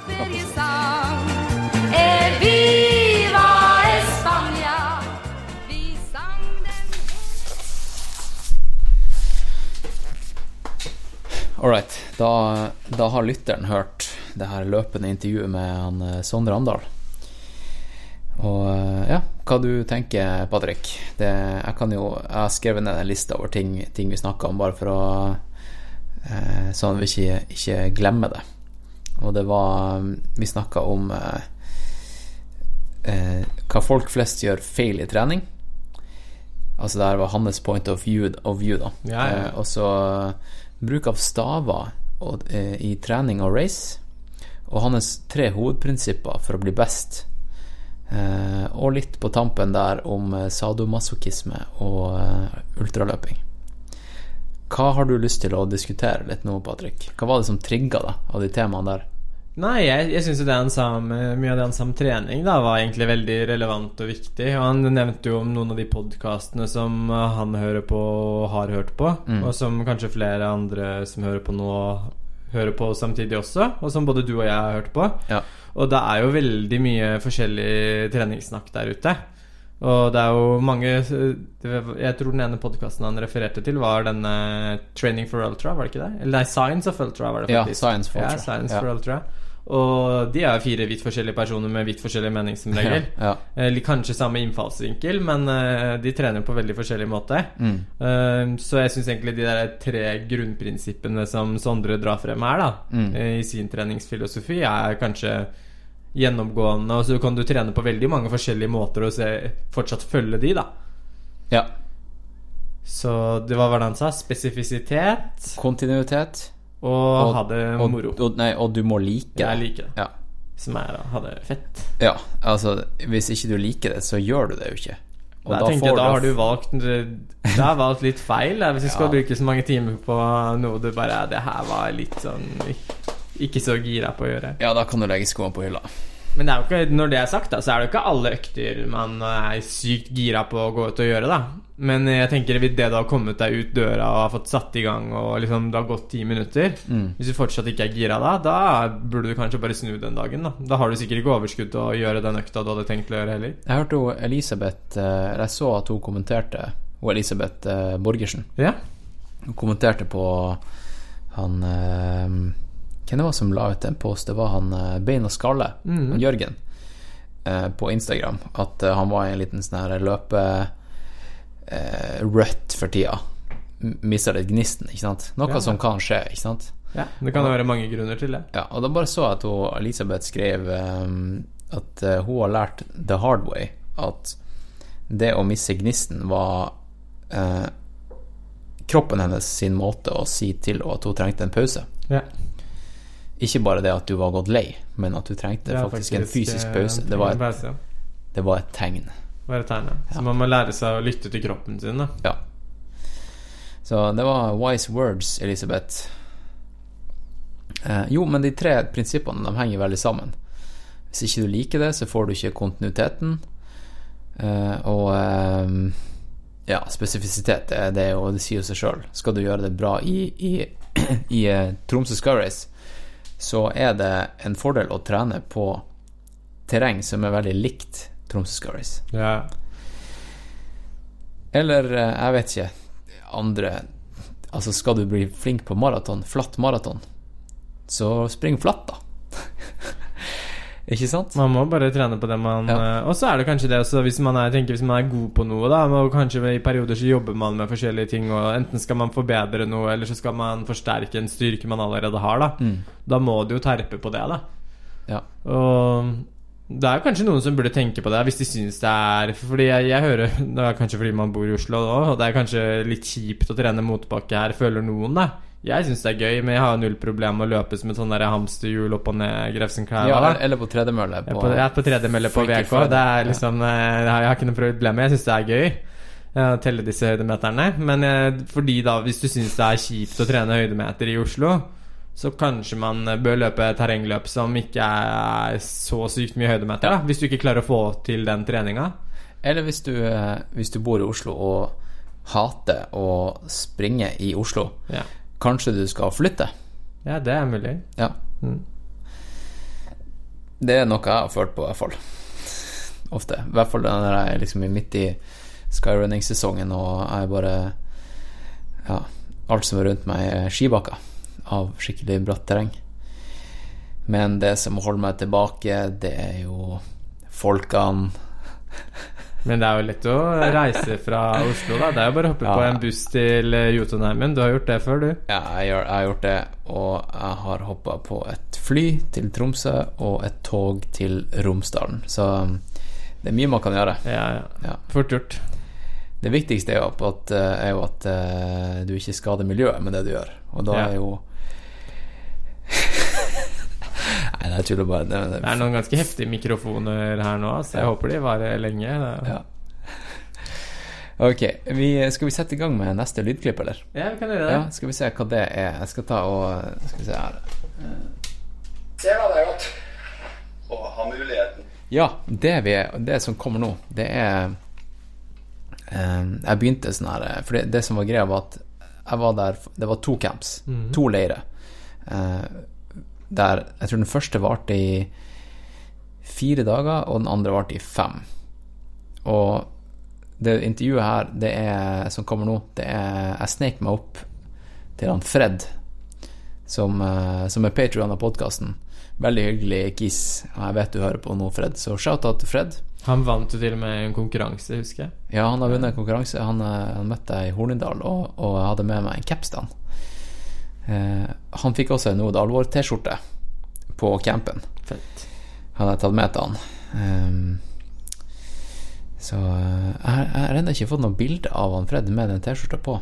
Men uh, da campen var ferdig, så snek jeg meg opp uh, han Fred var på vei ut til bussen som skulle ta han til flyplassen. Og så ville jeg bare ha en liten prat med han uh, under fire øye, øyne. Um, og, og få en liten oppsummering av, av, av hans opplevelse av campen. Så det er det du skal få høre nå. Ja, Fred. Ja. Halloen. Er det noe du vil si til uh, lytterne? Lytterne til podkasten? Nei, ja.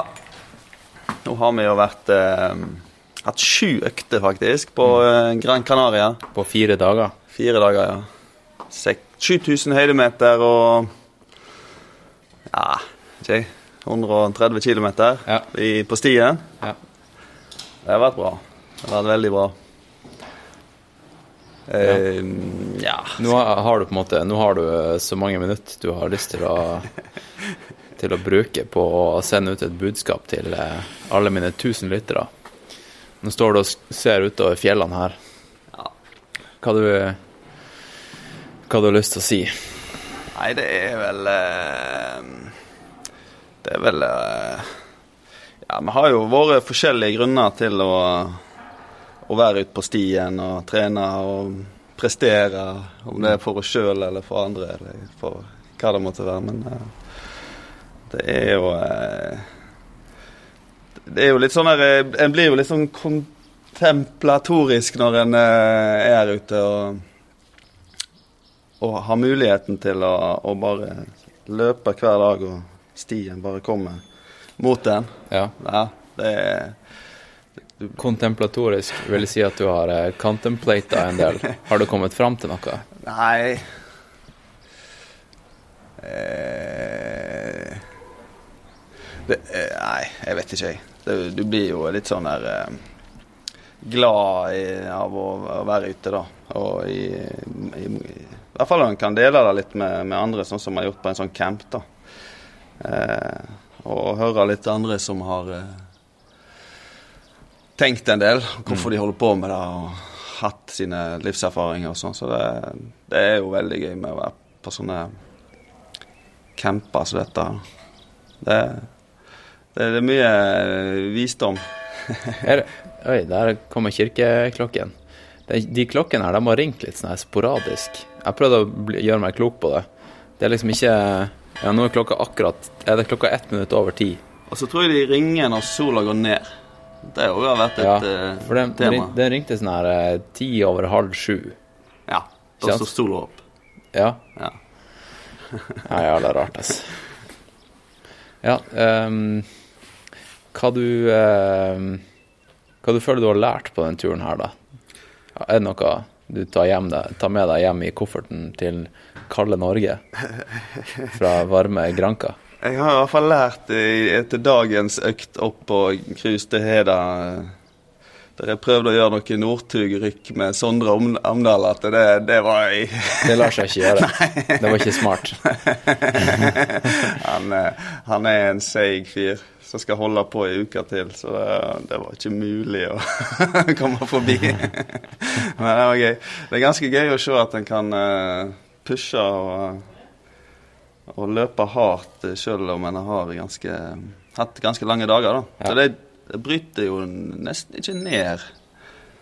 Det er sånn, det er sånn god driv vi har hatt alle dagene. og det Vi har jo hatt lavt, lav intensitet. Ja. Mm. Sant? Jeg tror hadde vi hatt eh, høy intensitet hver dag, så ville du ikke klart å pushe det skikkelig i dag. Nei. For da ville du muskulært vært gående. Så har han, eh, Kristoffer òg nevnte vel da at han eh, følte han var bedre i trappene i dag enn han var forrige dagen. Så, ja. så det er ikke alltid eh, Så å være mange dager ute og Den trenger ikke nødvendigvis å bryte ned kroppen av det. altså. Nei, det er jo, det er jo Jeg har tenkt litt på at man, man blir jo herda over tid også. Ja, altså, det, det. og det er ofte andre dagen som er verst. Og så begynner det liksom å gå seg til. Ja, ja det er fint. Ja. Ja, det er veldig gøy. Og, og det gir jo litt sånn der, eh, håp om at en eh, Å ta sånne ferier der en kan løpe masse, det, det går an. Ja. For uh, sjøl om en kommer opp i åra. Ja, ja, Ja. Nå går eh, bussen snart. Nå skal vi hjem til minusgrader og sludd og gjørme for oss, vår del, på Vestlandet. Mm. Men eh, det er jo en sjarm av det òg. Nå står det noen eh, oppe på balkongen der oppe og, og bråker litt. ja. Nei, men du skal få lov til å reise hjem til Norge, du. Ja. Og så Du skal jo være her ei uke til. Jeg skal være en uke til. Ser du Det er ny gjeng. Ny gjeng. Da blir alt helt annerledes. ja. Omgivelsene er de samme, men eh, det, er- som jeg, jeg tror jeg nevnte til deg i går, at eh, det blir artig en sånn her eh, antropologisk studie Ja, ja. om å bare gjøre hele greia på nytt igjen, men med helt nye folk. Ja. Og bare se hvordan stemninga blir. Og ja, det blir, eh, det blir spennende. Ja. Det- Jeg tror det er veldig mange damer, jenter, som kommer. Ja. Så det blir helt annet sånn Det kommer til å endre på ting. Nå har det vært veldig mange menn og machokultur og Ja, det er veldig macho. Ja. Mye espresso. Mye espresso. cowboys. Espresso Cowboys. Ja. Spørs om de er like gira på å ta sånn espresso-stopp som vi har vært, men eh, Jeg skal utfordre dem, tenker jeg. Ja. Si, sånn gjør vi det på Gran Canaria. Ja. Ja, Flere av dem var jo her i fjor også, så de, vet hva det går i. Ja, det Og hun jeg Skal vi se, hun Ingrid Hun har jo vært på podkasten før. Ja. Ingrid. Ingrid ja. Hun, hun, hun har motor. Hun, kan, hun holder lenge. Ja. Men jeg- jeg vet ikke om hun har en fjellmotor. Hun er jo veldig flink til å springe flatt og langt. Ja, men hun har sprunget, hun har sprunget Hornindal. Hun har det, ja. ja ok. Så det, det, okay. det kan du ikke Nei, da har hun, da har hun fjellmotor. Ja, ja. Ja. Det går nok bra. Nei, men fett. Um, da si, tror jeg vi bare sier det sånn, og så, eh, så snakkes vi når vi snakkes. Ja. ja. All right. Hva du vil si nå? Ja, det var vel uh, over og Over og ut? Roger og Knut. Roger og Knut. Ja.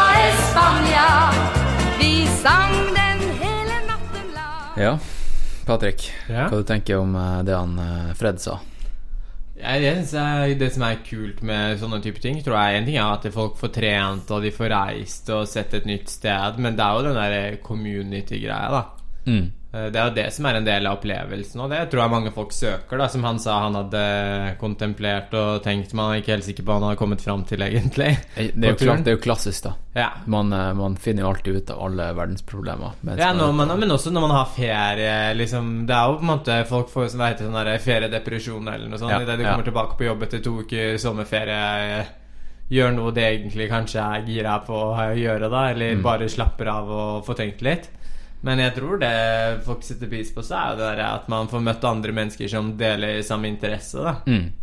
Mm. og så Det blir man jo kjempemotivert av, tenker jeg. Sånn har jo vi det med Kall det den eh, løpegruppa vår Skyblazers òg. Det er jo en gjeng med motiverte folk. Og det ser man jo på folk som kaller det nye tilskudd også, da. At det, folk de skjønner kall det hvor standarden ligger. Ja. Og Ja. de henger seg på standarden, da. Og det tror jeg folk får litt innblikk i på en sånn tur. Og du var jo der, så du vet jo mer om det enn meg, da. Ja, du, apropos uh, Det her er apropos ingenting, nesten, men uh, jeg bare kom på noe. Det um, det, er en, det er en kid på Insta. Ja, jeg har fått med meg helt sinnssykt, ass. Å, herregud, det her er så Jeg sjukt. digger han fyren her. Jeg, jeg digger han også. Jeg må bare finne hva han heter på, på Insta. Jeg skal bare åpne Instagram her nå. Eh, fordi han begynte å tagge noe er det alvor og, og sånn der. Og det jeg bruker å gjøre på, på Insta-kontoen, er at når folk tagger noe det alvor, eller send, jeg legger ut bilde av at de hører på noe det alvor, så, så liker jeg å, å legge det bildet til i den der eh, storyen. Lytterdelinger heter den. Eh, Men da dukka det opp en sånn her eh, kis som heter Elias Loper. Jeg regner med at han heter Elias Løper. At det er det som er greia. At det ikke er Loper som er etternavnet hans. Hadde vært fett, det, da. Ja. Eh, men han, han er elleve år gammel og bare kjører på. Ja, Han trener spesifikt òg. Ja. Ser i hvert fall sånn ut. Ja. Uh, skal vi se, siste posten hans det er fra i, tre timer siden. Og da skrev han uh, Det bildet av beina hans, da. Ti ganger 1092 meter. Altså, han har vært på Bislett, Han er på inne på Bislett, ja. Så han er Oslo Han bor i Oslo? Han bor i Oslo. Det er kult. Mm. Kan det hende kan komme en ung Oslo-gutt og slå de der lokale Hornindal-gutta på den eh, kortløypa, da? Ja. Så her har vi en up and coming eh, kiddo. Elias, shout-out til deg, altså. Det er fett. Det er dødsfett. Uh, ja, skal vi ta og uh, hoppe over til neste intervju, eller? Gjør, uh, da er jeg ferdig med Fred. Ja. Vi snakkes, Fred. Vi ses eh, med neste Ses i Hornindal. Vi ses i Hornindal, ja. Ok, da blir, det, da blir det flere oppsummeringer fra den løpecampen her. Nå har jeg med meg ei som heter Unni. Hva heter du etternavn, Unni? Dahl Ottesen. Unni Dahl Ottesen. Eh, du har jo nå vært der på den campen her nå eh, sammen med Hvor mange, hvor mange var vi totalt? 14 stykk? Ja. Ja. Løpt gjennom fjellene. Eh, kanskje sånn syv-åtte timer hver dag. Ja. Har du lyst til å gi en liten oppsummering? Ja, altså Det har jo vært utrolig fint å, å være med på denne turen her. Det, vi har vært, har vært veldig mye oppover, og så har det vært veldig mye nedover. Mm. Og så har vi jo Og så har vi jo fått fantastisk utsikt. Så det har jo vært eh, en utrolig tur med masse frisk luft og masse fine turer i fjellet og Har det vært noe god mat? folk. Det har vært veldig mye god mat. Ja. Spist egentlig altfor mye, men det er Nei, helt det syns greit. jeg ikke du har gjort. Vi har fått testa sånn bo- Nei. Bocadillos? Eh, Tomat Nei, eh, potetomelett. Tortillas i bocadillos, altså eh, sandwich med, med sånn spansk omelett i. Og det skal det vel gå et år til neste gang jeg skal spise. Ja, for det, det var mange som rapporterte om eh, luft i magen. Vi har ikke hatt det problemet. Fordi eh, det intervjuet som jeg gjorde med han Sondre mens vi sprang, Ja. da var det plutselig mange som la seg liksom 50 meter bak. For de, de ville ikke at, at eh, lydene skulle komme med på podkasten. Så da da kan han kanskje legge til noen ekstra lyder, bare for å kompensere for at eh, Ja, det blir mer interessant da. Ja. Mm. Ellers da, tror du du har fått et bra treningsutbytte da, Auni? Jeg- Du, du sprang jo Bislett 24, for eksempel. Ja, hva, du er jo mer enn kapabel til å fullføre en sånn her uke. Ja altså Og, og for å absorbere det. Ja, altså sånn som før jeg kom hit, så hadde jeg ikke fått så mye høydemetertrening, da. Så det merker jeg jo nå at eh, tida etter Bislett har vært så kort at jeg har ikke fått tatt så mye høydemeter, så da merker jeg jo det mer her. Men jeg skal jo være med på hele Soria Moria til verdens ende i mai. Så jeg tenker jo at dette her gir jo en veldig sånn solid eh, base til på en måte å fortsette å jobbe med å trene mot akkurat det løpet, da. Ja. Så jeg syns jeg har fått veldig, veldig mye ut av dette oppholdet. Soria Moria til verdens ende, det er Ja. 100 miles. ja, den første 100 milesen, vet du. Så det blir veldig moro. Det gleder jeg meg veldig til. Når, når er det? Det er eh, helga 11.-12. mai. Så da, og så tror jeg at eh, man kan bruke maksimalt 33 timer, så da er liksom målet å komme til mål før 33 timer er gått. Jeg har liksom planer om at jeg skal klare å gjennomføre det, da. Jeg har aldri løpt så langt, da. Så 130 km er det lengste jeg har løpt før det, dette her, da. Okay. Mm. Er det på Soria Moria til verdens ende, har de noe sånn her belt buckle for å fullføre? Er det noen som vet? Mm, Nei, det For det er ganske vanlig i race, ikke. men ikke i norske race. Nei, jeg tror kanskje ikke det er sånn uh, akkurat der. Ja, du får vel ei kjip bomulls-T-skjorte? Nei. Ja. Ja, men T-skjorta er viktig. Den er veldig viktig. Og så får du fin medalje, da.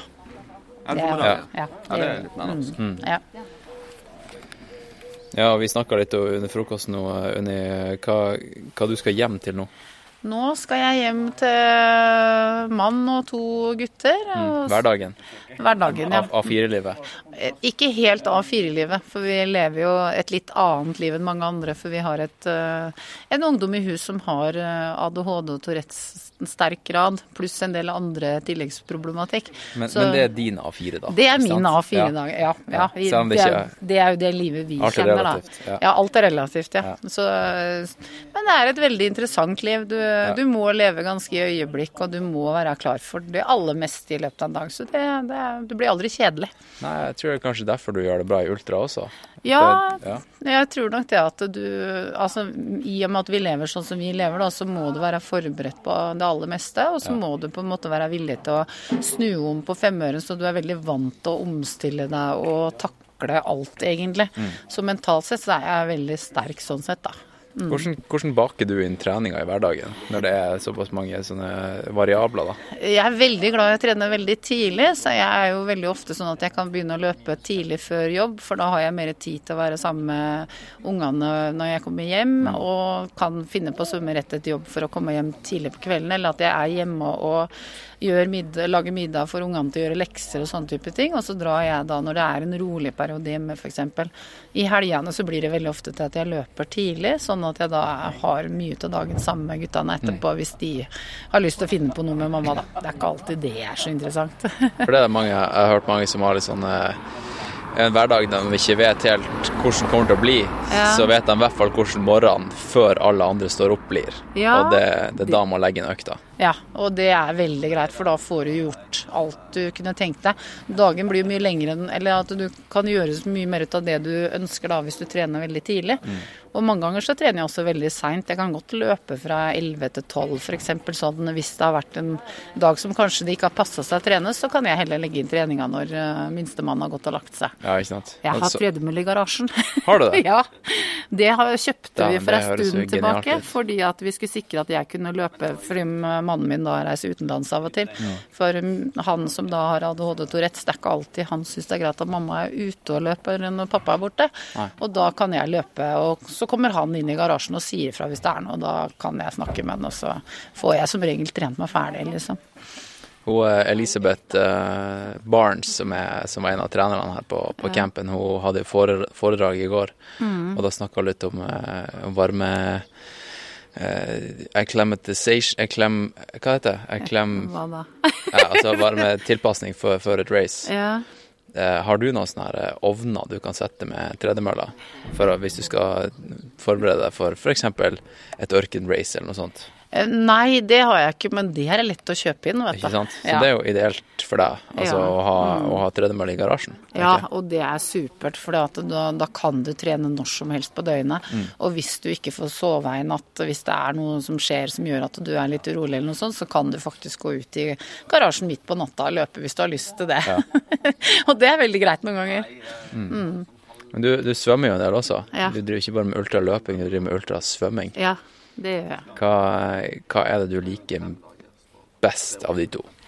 Eh, Altså, jeg tror kanskje at jeg liker begge to like godt. Mm. Eh, Før så var jo løping den soleklare favoritten, for det er noe jeg har drevet på med hele livet, egentlig. Sånn fra og til mm, i ballidrett, og så har jeg løpt litt, og med st- så hatt styrke og sånne type ting. Mm. Og så var det vel egentlig tanken med at jeg hadde lyst til å svømme Horten-Moss, uten at jeg egentlig hadde svømmeferdigheter til det. Og så tok jeg kontakt med en som heter Knut Ivan Rasmussen, og han er da Norges beste openwater-svømmer, pluss at han da Hva du kalte det? Eh, Han er eh, Norges open water, Open water svømmer, ja. Så han har jo vunnet Horten-Moss fem ganger på rad, da. Så, Mm. Og så er han jo med på EM og VM og litt sånne type konkurranser i mastersklassene, da. Så tenkte jeg at eh, hvis jeg først skal kunne klare å svømme Horten-Moss, eh, siden jeg da ikke kunne noe særlig crawl, liksom, så måtte jeg ha hjelp av den beste, da. Mm. Så da sa jo han som sa at ja, men deg skal vi få over fjorden. Og da var det egentlig gjort. Da var det bare for meg å på en måte ta timer hos han og trene, trene meg opp til Horten-Moss. Mm. Og hvor, hvor lenge har du drevet på med det nå? Jeg starta med timer hos Knut Ivan Rasmussen i januar 2017. eh, Og så tok jeg da Horten-Moss nå i sommer i 2018, blir det vel. Mm. Men jeg hadde en kort periode på halvannet år som jeg svømte litt i, eh, i, i Holmestrand eh, og fikk litt hjelp av Tom Remman, men alt det hadde jeg jo glemt når jeg starta hos Knut Ivan. Så egentlig så starta jeg egentlig helt på scratch igjen, da, kan Ja. du si.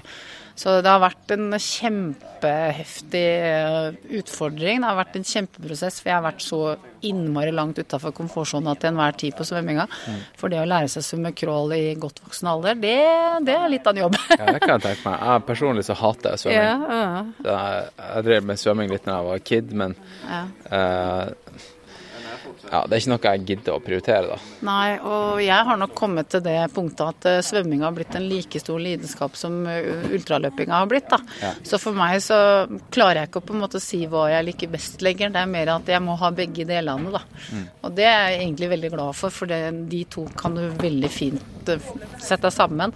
Så nå i slutten av august i år så skal jeg jo koble sammen ultraløping og maratonsvømming. For da skal jeg være med på svimmelen til verdens ende sammen med en kompis av meg. Så da blir det 53 km med løping, og så blir det 9000 meter svømming. Dæven. Det blir moro. Ja. Faen, så rått, ass. Ja. Da må vi ta en telefon og eh, få en oppfølging. Ja, det skal du få. Kari Hontas, kom hit, da. Ja, nå er det jo eh, update. Hun her, eh, Kari Hontas som vi har nå foran oss, hun var jo på podkasten for et par episoder siden. eh, I forbindelse med denne Bislett 24-episoden. Hvordan har det gått med deg etter Bislett 24? Har du snakka om det også? Karina? Um, det har gått greit med meg, uh, men uh, jeg skjønner jo at å løpe flatt på Bislett kan jo ikke sammenlignes med det man driver med andre steder. Da. Så det, jeg må slutte å løpe så mye flatt. Men det har gått bra etter Bislett. Jeg har ikke fått noen skavanker eller sånne ting. Nei, for vi, eh, vi snakka jo i etterkant av Bislett. Jeg ringte deg opp. Um, men du du bor på Setermoen. Hvordan er det din uh, daglige rute er? Liksom den løperunden din. Er den flat, eller er det mye høydemeter? Var du forberedt for fjellene på Gran Canaria da du kom hit? Nei, det var jo tydeligvis ikke. Fordi at Ikke? eh, Nei, for det er, det er for mye snø. Så jeg, jeg kommer meg ikke opp i høyden noe særlig, så jeg løper bare flatt på asfalt. Og det er for dårlig. Ja, i, på Setermoen? Ja, ja, så enten så må jeg kjøre incline på mølla, eller så må jeg gjøre noe nytt. Eller så må jeg begynne sånn som Sondra nå har lært meg om å drive og løpe i slalåmbakken. da. Ja. Det må bli det nye nå, men da blir man jo stempla som delvis Gal, gal, tenker jo jeg, men eh, jeg tror jeg må det. Det tror jeg ikke du er Altså, jeg tror Jeg tror du er, er jeg i kategorien allerede, kanskje? Jeg ja, jeg tror ja, jeg lurer på det sjøl, egentlig. Jeg, jeg hørte Jeg leste, man- leste en bok, eller jeg hørte en lydbok med han, David Goggins. Og eh, jeg tror det var han som sa at eh, du vil, du vil være det mennesket som folk tenker sånn her Hva er det Hva faen er det han styrer med? Det, Ja. men, det mennesket burde du være. Ja, ja. Hvis ikke du er det mennesket, så er du ikke et, interessant menneske. Ikke sant. Så da syns jeg at du burde begynne å springe de slalåmbakkene. Ja, jeg burde kanskje det. Jeg må gjøre noe, i hvert fall. Fordi eh, det må mer bakketrening til. Fordi nå kjenner jeg både leggene mine og låra mine. De er ikke, de er ikke helt uh, på nett. Nei. Nei. Men du, skal du hjem til Set- Setermoen nå, eller? Ja, i morgen. Ja. Er, er Setermoen hjem for deg? Egentlig ikke, nei. Hva Men du tenker du på som hjem? Det er Hvittingfoss. Hvittingfoss? Ja, bygda mi. Ja. Skal du flytte hjem dit en dag? Ja, jeg tror det. Ja. Hva du liker med Hvittingfoss? Eller OK, nå overdrev jeg litt. når Jeg jeg, tror ikke jeg skal bo Det er ikke der jeg skal bo fast, men jeg skal bo der lite grann. Mm. Jeg liker Hvittingfoss fordi det er der jeg har familien min. Og det er faktisk ganske mange fine fjell rundt der òg.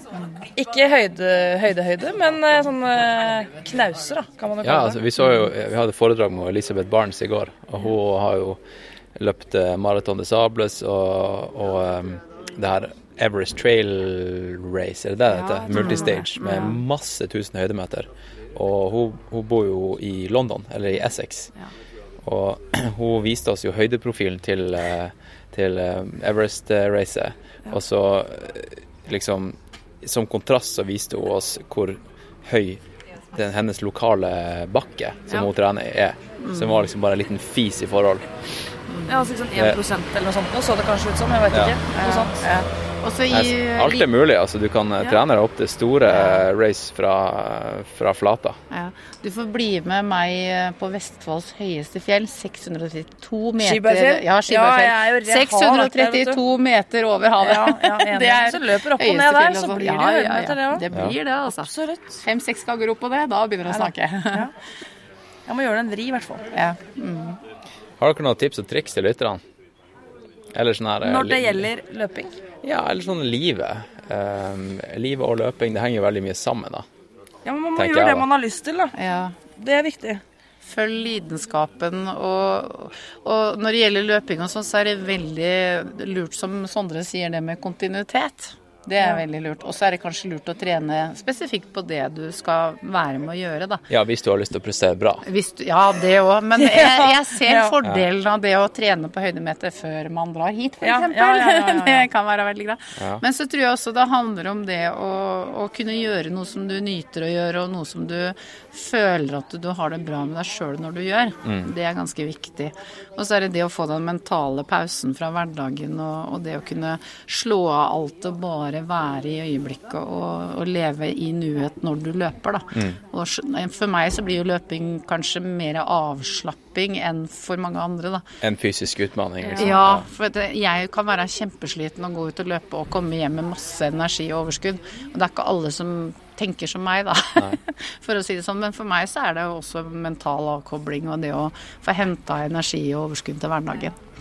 Mm. Det er sant, det. Og så er det jo den der biten som går på sånn generelt tips, er jo gjør, gjør det du liker. Altså, hvis du ikke liker å løpe, ikke Altså, det, det er litt viktig å være liksom tro mot seg sjøl. Ja. Altså, Mm. liker du å løpe korte distanser, så gjør du det. Eller langdistanser. Ja. Det er ikke sånn at jo lengre, jo kulere er det, jo hardere. Det trenger ikke å Mm. være sånn. Man må være liksom litt sånn uh, tro mot det man syns er gøy, da. Ja. Så ikke for det er mange som jeg tror eh, ja, prestasjonsfokuset blir så høyt, da. Så Mm. mister man humøret. Og det er kanskje det siste man må miste. Hvis du mister Ja. humøret, da har du Nei, tapt. det er noe med det at du skal like det du gjør også. Du skal gjøre det som gjør deg glad. Og så en annen ting som jeg tenker er kjempeviktig, det er det å ha litt trua på det at du kan klare ting du kanskje ikke til å begynne med tenker at du kan klare. For jeg, for jeg har en sånn veldig tro på det at alt er mulig hvis du vil det nok. Og som godt overvektig før, og så har jeg deltatt på ting som andre har tenkt har vært umulig for meg.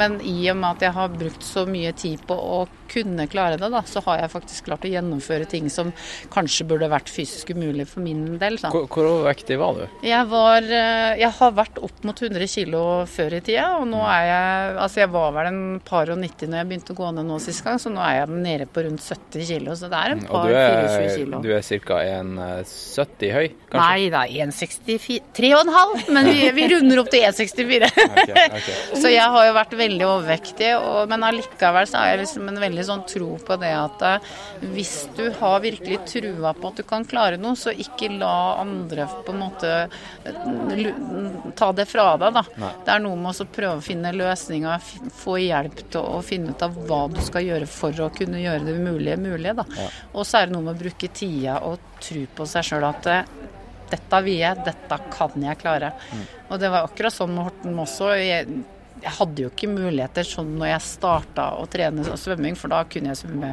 400 meter sammenheng, og så var jeg kjempesliten. Men eh, etter et års tid med hjelp og sånn, så kunne jeg svømme 10 000 meter sammenhengende. Ja, det er drøyt, ass. Og det er helt sjukt at man kan klare det, men det handler om det der å ha, ha så trua på seg sjøl og, og på en måte å ikke høre på de som kanskje tviler, da. Og gå sin egen vei og Haters.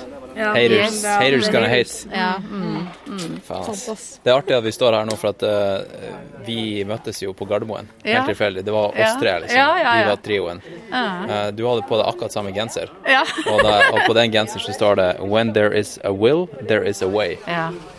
Var det med intensjon at du kjøpte den genseren? Altså var det, Det Du var så den genseren, og så tenkte du 'yes'? Det var et ordtak som jeg har veldig tro på, ja. Ja. Så det, det var nok litt sånn bevisst valg også. Ja. Mm. Han, eh, jeg snakka med han Sondre i stad under frokosten. og Han, Ja.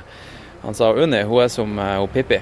Ja. Eh, at eh, hvis hun ikke Hva er det hun Pippi sier? Eh, Det har jeg ikke gjort det- før, så det kan jeg sikkert klare. Ja, ikke sant. Akkurat det sa Sondre. Eh, så det, det skal du ha. Ja, og det, det er egentlig noe jeg har levd med hele livet. At eh, det jeg har lyst til å gjøre, det, det må jeg bare finne ut av, så gjør jeg det. Ja.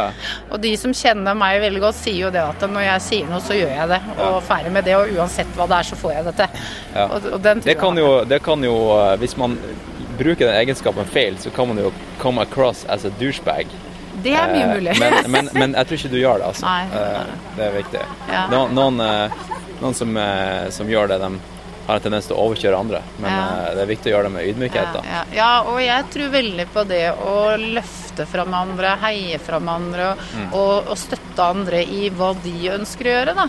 Og, jeg får, jo veldig ofte meldinger fra andre som opplever meg som inspirasjon i hverdagen, og som de føler motiverer seg. Da.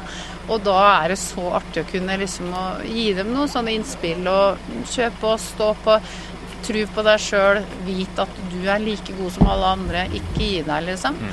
Og det opplever jeg at folk syns er veldig positivt. Mm. Nå begynner de å lesse på bagasjen på bussen. her. Vi må få et bilde før vi avslutter her, føler jeg. Ja. ja. Vi er klare! Er det nok, skal vi se.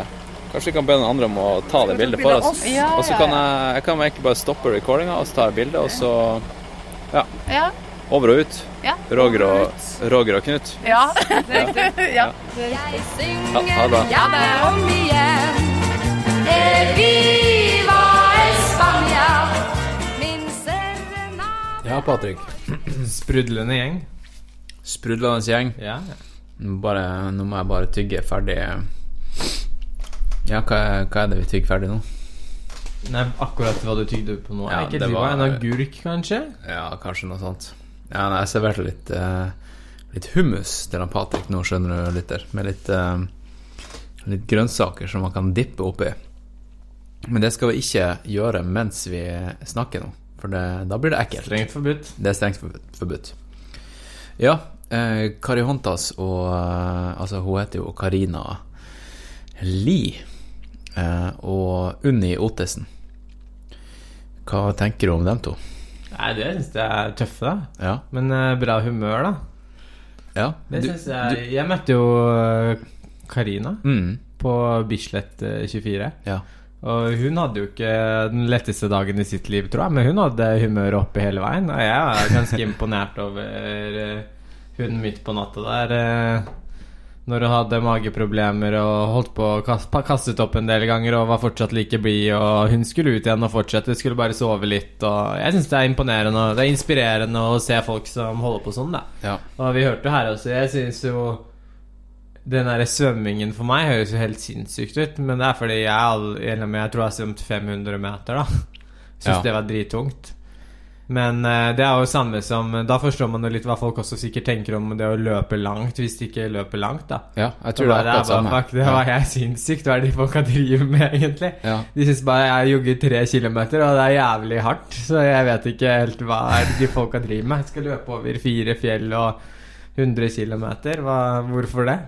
Jeg tror det er akkurat samme, altså. Jeg tror det er det der eh, Ja, med en gang du liksom får den der eh, basen inne, nå- de, du får gjort timene med, med terpinga og teknikken og alt sånt der, så plutselig så kan du finne ut at du kan svømme hvor langt som helst.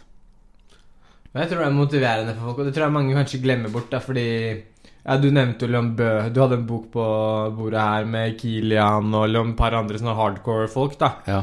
Og det er jo veldig ofte man hører Ja, jeg nevnte jo faktisk eh. David Goggins, Ja. den boka her på, boka, på bordet her. Ja, men Det er veldig ofte man hører liksom, de, kaller liksom heltehistoriene med de folka som Jeg vet ikke, jeg vokste opp i fjellet når han var tre år og liksom satt på ryggen til en geit omtrent, ikke sant? Eller, Ja, men liksom, man, og de menneskene blir liksom fremmedgjort omtrent, da. Så man tenker at det de driver med, det kan ikke andre mennesker gjøre. Og så tenker man ja, for jeg har ikke den bakgrunnen eller det livet. Mm. Og nå hørte vi jo også her at eh, ja, de tror, eller de tror litt på det mottoet om at uh, du kan gjøre hva du vil gjøre, bare du legger ned innsatsen eller ja. gjør jobben, da. Ja. Og hvem som helst kan gjøre jobben, men du må jo synes det er gøy, da, som de sa, å være motivert for å gjøre jobben. Du, Karina, hun er, hun er faktisk nede i Marrakech nå og skal springe maraton. Ah. Skal vi ta og, og sjekke om uh, Ja, det er i morgen. Det er i morgen. Oh. Det blir sikkert varmt. Ja, det blir sikkert Ja. varmt. Det var det hun drev og preppa for i, på Gran, Gran Canaria. Hun løp med dunjakke. Ja, men uh, um, uh, Altså, lykke til. Uh, du hører jo ikke den podkasten her før du springer racet, Karina, men vi sender tanker til deg nå. Vi skulle nesten ringt henne, men det har ikke vi tid til nå i kveld. Nå skal vi, nå skal vi høre, på, på intervjuer fra Granka og kommentere litt mer. Det her er s- kjempeseriøst. Kan ikke begynne å ringe folk nå. Nei, det går Ah. ikke. Skal vi se hva, hva det neste blir. Um, fra Lofoten. Å ja. Det her intervjuet, det her, nå, nå lytter, nå skal du få høre noe legendarisk. Hun, hun Jannicke her, hun er fra Lofoten, um, og hun eh, er faktisk uh, venninne med han Sjølberg. Ah. Hun trener mye med han, og eh, jeg fikk mye inside-info om hvordan han trener, altså nummer fire i UTMB. Det Jeg tror også han har åpen profil på Strava, så Ja, man ja. kan følge med litt. Ja. Så um, Ja, nei, hun, hun her Hun her er en badass. Hun er i form, altså. Hun, hun kan eh, knuse de fleste, bare hun stiller opp i et race, så eh, jeg tror hun har eh, Hun er talent uten like. Eh, bare hør på henne her, hun er, hun er helt, helt gæren. Nå, eh, Jannicke, ser du hva det her er? Nei. Hva du tror det er? Hello! Yeah! Ja, sett deg ned, så prater vi litt. Ja, vi prater litt Ja. Nå må du ikke lage så mye lyd med med posen, nøttene mine. nøtteposen din. Med nøttene. Har jo fått banna etter denne turen? Nei da. Kan du Ja. kanskje oppsummere hva vi har gjort i dag? I dag? Det er jo en bra start. Ja. Fortell, ja. Fortell om alt. I dag begynte vi en veldig fin tur. Eh, Først kan du si hvem du er, og, Mm. og litt sånt, og så kan du ta en oppsummering av dagen. OK. Jannike Kildahl. Hva du sa sa Jannike Kildahl Ja. fra Lofoten. Hjertet av Norge. Mhm. Eh, I dag starta vi med vår fine gruppe. Vi har laga oss en gruppe på fire stykk. Ja. Eh, nei, vi, er- ja, vi, vi er fem stykk. Ja, vi, vi er jo Vi kan si at vi er på Gran Canaria. Ja, vi, er vi er på- vi er på en camp bestående av 20 personer, Ja. og vi var en gruppe på fem stykk. Ja. Ja. Vi er da eh, litt kjappere enn de andre, så vi har ledelsen. Nei da. Nei da. Nei da. Vi, eh, vi har funnet ut at vi har tempoet litt høyere. Eller vi har kanskje ikke høyere tempo, men vi tar ikke så mange stopp. Vi tar rolige stopp på kort stund, ja. og så er videre igjen. Vi- Vi passer bra sammen. Ja, vi passer veldig bra. Vi fant hverandre med, stort sett med én gang. Ja. Det var noen som kommenterte der har vi første gruppe, og da var vi ikke kommet mange hundre meterne før de så at vi var i gruppe. Ja, Så nå er vi på dag to. Ja. I dag eh, sprang vi 45 km eh, i fjellene. 2500 høydemeter. Mm. Eh, store deler på den Trans Gran Canaria-løypa. Ja, Ja. det gjorde vi. Og det var Men så helt... kan du jo fortelle om din opplevelse i dag. da. Min opplevelse i dag Vi var jo da litt stiv i dag når vi starta i lårene pga. at eh, det er lenge siden vi har sprunget Ja, av gårsdagen. Ja, vi hadde jo gårsdagen to økter. Eh, vi sprang jo mye ned og fort. Det var eh, Jeg tror man ble litt frista av å eh, rive seg veldig fort ned. Eh, det er- har jo kommet snø i Nord-Norge, så det er jo lenge siden vi har vært i fjellene og sprunget nedover. Så det var jo en liten, eh, liten begynnelse, da. Men det er jo sånn som man får med en gang man gjør noe som er lenge siden man har gjort. Eh, så vi ble frista og reiv oss ned fjellsida. og Det fikk man jo litt sånn svie for i dag, og var litt sånn sur i lårene når vi begynte. Eh, men eh, man kom seg gjennom med det. Det skal være litt sånn sur svie. Ja, ja. Eh, men det er jo ikke noe. Vi hadde kjempefint. Fin, turen gikk fin, vi hadde fint tempo. Ja, så vi spiste frokost klokka åtte, Ja, det gjorde vi. og så eh, satte vi i gang klokka ni. Ja, vi satte i gang klokka ni. Med fulle mager. Ja, med fulle mager. Og da var det bare å oppover, oppover. Kjør på. Opp, opp 600 høydemeter på 5 km. Ja. Så, og så ned, eh, så litt nedover. Ja. Vi var gjennom mange forskjellige landskap i dag. Var, det var kan, du, kan du beskrive landskapene? Ja, det var helt utrolig. Det var eh, Ja, kan du beskrive dem? Jeg kan beskrive Bort, dem med bortsett fra at de var utrolige. Mm, Ja, det er så vanskelig å sette ord, skjønner dere. Det er uh, helt fantastisk. Det var, Nei, det var men som å komme nå. Ok. Vi var jo gjennom en, en, en canyon, eksempel. Ja, vi var gjennom en canyon der det var eh, altså, Ravine, som det heter på norsk. Ravine. Det var helt utrolig. Det var um, Vi kom gjennom altså det var, Og så kom vi gjennom en, en urskog der det var eh, Der det hang sånn skjegg på, skjegg på der trærne. gjennom greinene. Ja, det var en helt annen verden. Og så, kom du, så sprang vi litt feil. Vi sprang litt for langt. Så vi hadde jo litt ekstra kilometer i dag. Ja, jeg tror vi fikk én eller to ekstra kilometer. Ja, ja, det var jo kjempeflott. Da hadde vi jo, Den skulle jo tilbake, vi skulle få se den utsikta på returen, da. Men eh, det var jo helt fantastisk. Vi så ned i en sånn valley. Det var, vi så dalen der vi bor, og det var eh, formasjonene på fjellene og, og, og bergene der. Det var helt utrolig. Det Det var, Rett og slett helt utrolig. Det var helt utrolig. Ja, man blir så fri for ord, for det her må nesten oppleves. Det er, så vanskelig å forklare noe så vakkert. Jeg skal ta, når jeg poster podkasten, skal jeg legge med en del bilder. Det må så du kan gjøre. folk se, få se de her utrolige landskapene. Ja. Det er helt utrolig, rett og slett. Ja, men det, det er greit å få se det på bilder, men du må nesten komme og oppleve det. Altså det Folk er nødt til å reise hit og få se det. Men det var jo helt uh, fantastisk eh, opplevelse å få ned den her eh, Ravin? Ravin. Ja, for det, da, da, da gjorde du noe spennende. Ja. Du, du, du sprang med, med meg og gjengen, og så, og så ble vi vi stoppa og tok noen bilder, og så kom det plutselig to karer peisende forbi. Ja. Eh, og han, han ene han dro ved kjensel på. Ja. Han, eh, han hadde på seg noen buffcaps, og jeg så jo umiddelbart, umiddelbart hvem det var, og det er han der eh, Pau Capell. Ja.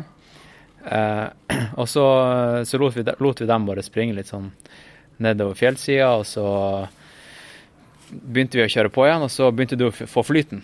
Og Ja. så spurte du om du bare kunne få lov til å gønne litt på.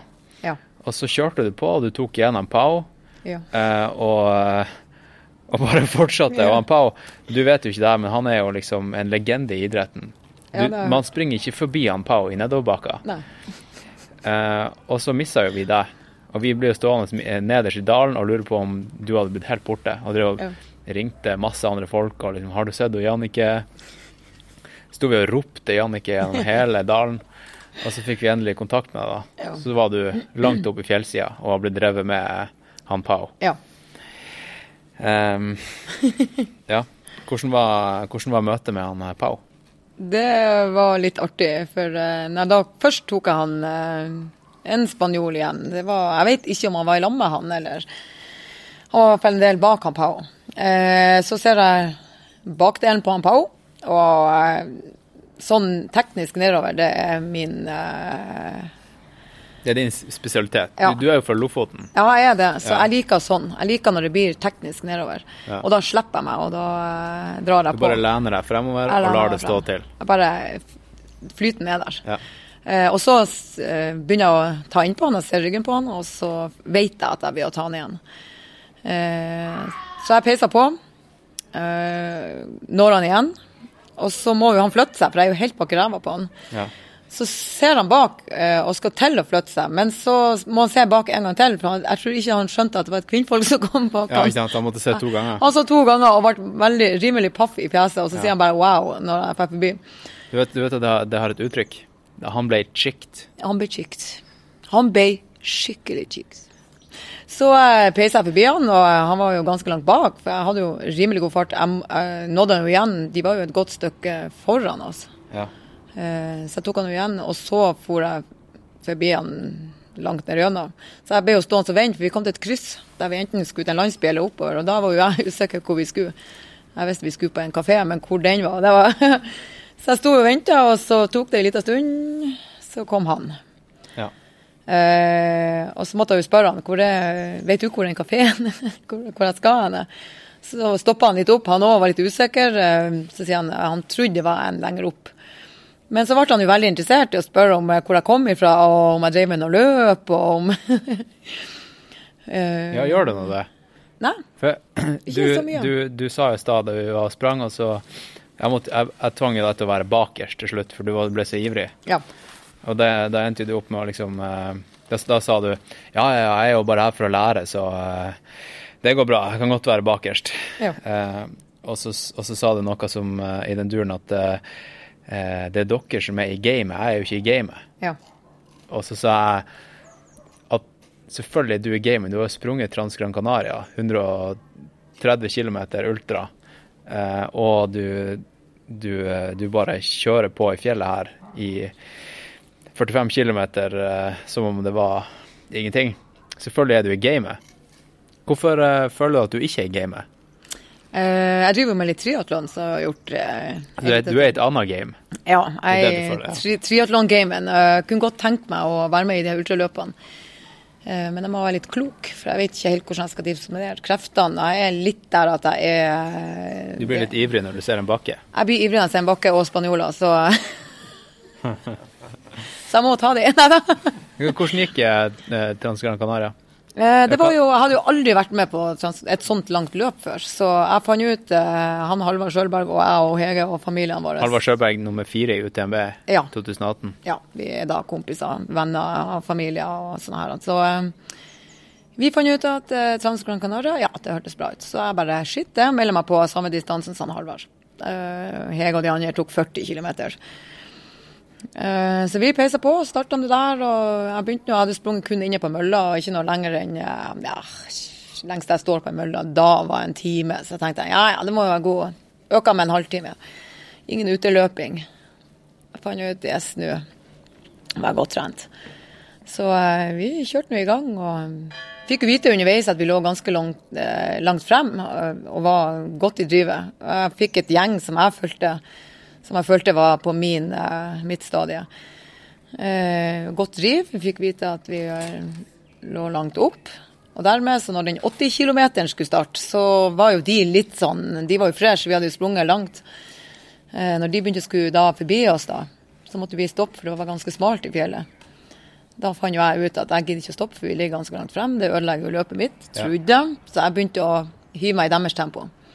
Men da ropte jo en spanjol bak meg at det der måtte du ikke gjøre, så jeg måtte stoppe med en gang. Og jeg tenkte jo, jeg har fullt energi, så det skiter jeg jo i. Så jeg sprang jo videre. Så helt ned, nederst i bakken kjente jeg jo at jeg hadde sprunget på meg en strekk. Eh, Så det var ikke så lurt. Så du måtte Men, deale med det resten av løpet? ja, det måtte jeg. Deale resten av løpet fikk nå et par sånne sprøyter med smertestillende og sånn. Men de fulgte meg. De fulgte med og, og tok meg inn og fikk litt massasje underveis. Og, eh, så da jeg var kommet over alle fjellene og eh, hadde bare ti kilometer inn igjen, asfaltveien inn til byen og mål, så tok de meg ut. Eh, da hadde jeg lurt de en del med at jeg ikke hadde vondt, men eh, den asfalten knakk. eh. Men da sa han ene at du har klart alle fjellene, du har bare asfalten inne, så du, du trenger ikke å Så du, du fikk ikke lov til å fullføre? Nei, jeg fikk ikke lov. De tok meg ut. Men jeg hadde jo lurt de litt Ah. underveis. Så det var. Men jeg hadde da den asfaltbiten inne og tenkte yes, jeg har nå klart fjellene, men det var der før, så ja. dritten. Ja. Ja, men du er i gamet, da. Ja, Og så men drakk du jo øl til eh, lunsj. Ja, jeg drakk øl til lunsj. Det var godt. øl og eh, Ja. Nei da, man må jo ha litt eh, kos underveis. Man skal jo ha noe. Det skal Ja. ikke bare være eh, Vi er jo i Syden. Vi er i Syden. Ja. Vi er på ferie. Ja. ja, det er ganske snart Eh, Vi har jo forresten ei her som driver og drikker cava innimellom, så eh, Ja. Nei, det var jo det var ikke det rareste jeg så, ikke rart, men eh, på, på lunsjen, det var jo um, Det var ei som har slitt med en eh, skade her. Jeg skal ikke si navn, men hun poppa jo et par eh, et par Paracet og, og, Ja. og, og tok en, en pils bare for å døyve Ja. smertene. ja. Eh, og Hun var jo på vår eh, gruppe. hun var på vår gruppe, og hun så på det som eh, nederlag hvis hun ikke kunne fullføre dagens runde, eller en prestisjesak, da. Ja. Men hun fullførte med stil, Det gjorde hun. med litt eh, Alkohol i kroppen. Ja. medikamenter, men det var jo helt utrolig. Vi har henne på gruppa vår, så hun er, hun er et råskinn. Hun er gangster. Ja, hun er gangster. Det liker vi. Og i kveld nå om eh, skal vi se hvor lang tid da vi har, om ti minutter, Mhm. så, så skal vi være med og høre på et foredrag. Ja. Hun er Elisabeth Barnes. Ja. Um, hun har jo vunnet Marathon de Sable. Mm. Um, jeg tror to ganger. Er det noen som vet? To, ja. Uh, og flere sånne multistage, multistage race. Uh, Ja. Hun er rett og slett en legende i sporten. Ja. Skal høre hun snakke, snakke om hennes bakgrunn og alt om, om multistage racing og, Mm. og høydeforberedelser og, og, um, og varme Ti- uh, Hva det heter Forberede seg til eh, race i varmere strøk. Ja. Det blir interessant. Det blir er, det veldig interessant. er det noe du, eh, du virkelig gleder deg til å høre om? Ja. Hva, er det noe Jeg gleder meg å høre eh, hvordan hun starta karrieren sin. eh, Hva som gjør at hun er med på de her løpene. Hva det er som driver henne til eh, Og så er det veldig spesielt at folk er interessert i å være med på løp som er såpass varme at du må vende kroppen din til varmen. Um, Jeg sjøl er jo fra nord, så vi er jo med på litt skimo og er jo vant med kalde treningsforhold, så jeg må innrømme å si at varmen den knekker meg litt. Ja. Ja. Før du har hørt fasiten da, etterpå, hvordan man skal tilpasse seg til varmen, hva du tror er det beste man kan gjøre? Det er jo det at du må Jeg har hørt jo litt Jeg er som sagt her for å lære. Ja. Jeg har jo hørt at det er lurt å gå i badstue. Ja. Venne seg litt inn i badstue og, og prøve å få trent litt i varmere forhold. Du, hva du har lært hittil? Du sier du er her for å lære. Har du lært noe sånn her eh, Virkelig eh, sånn her Har du fått noen epiphanies på den turen her? Noe du har gjort galt før som du kommer til å endre på når du kommer hjem? Ja, det å pushe på, spesielt på slutten, eh, at jeg Det var lurt at jeg ble putta bakerst Ja. på gruppa. eh, For å ikke dra den så mye. Jeg lurte jo gruppa mi opp på en annen topp, så vi ikke skulle Ja. ja vi Og alle fulgte etter. fikk kanskje to kilometer ekstra i dag pga. det. Ja, ja. Ja. Så, eh, og da fikk jeg jo ned, eh, fikk jeg jo ned farta litt, da, og det tror jeg egentlig var bra. For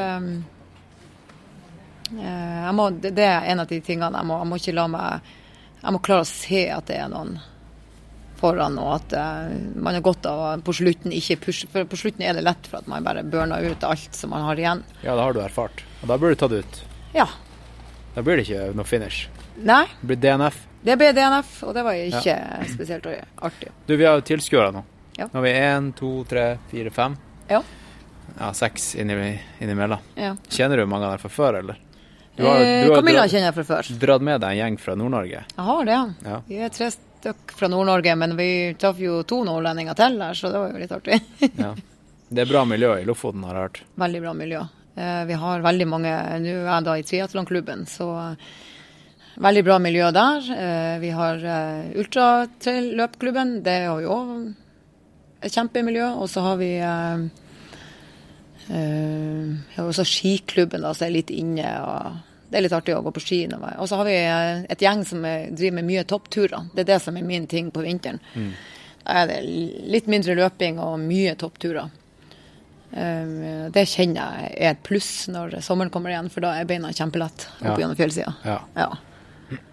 Så da har vi en egen klubb der òg, der vi legger ut når vi har treninger og går i lag som et gjeng. Så det er utrolig godt treningsmiljø i Nord-Norge. Det er det.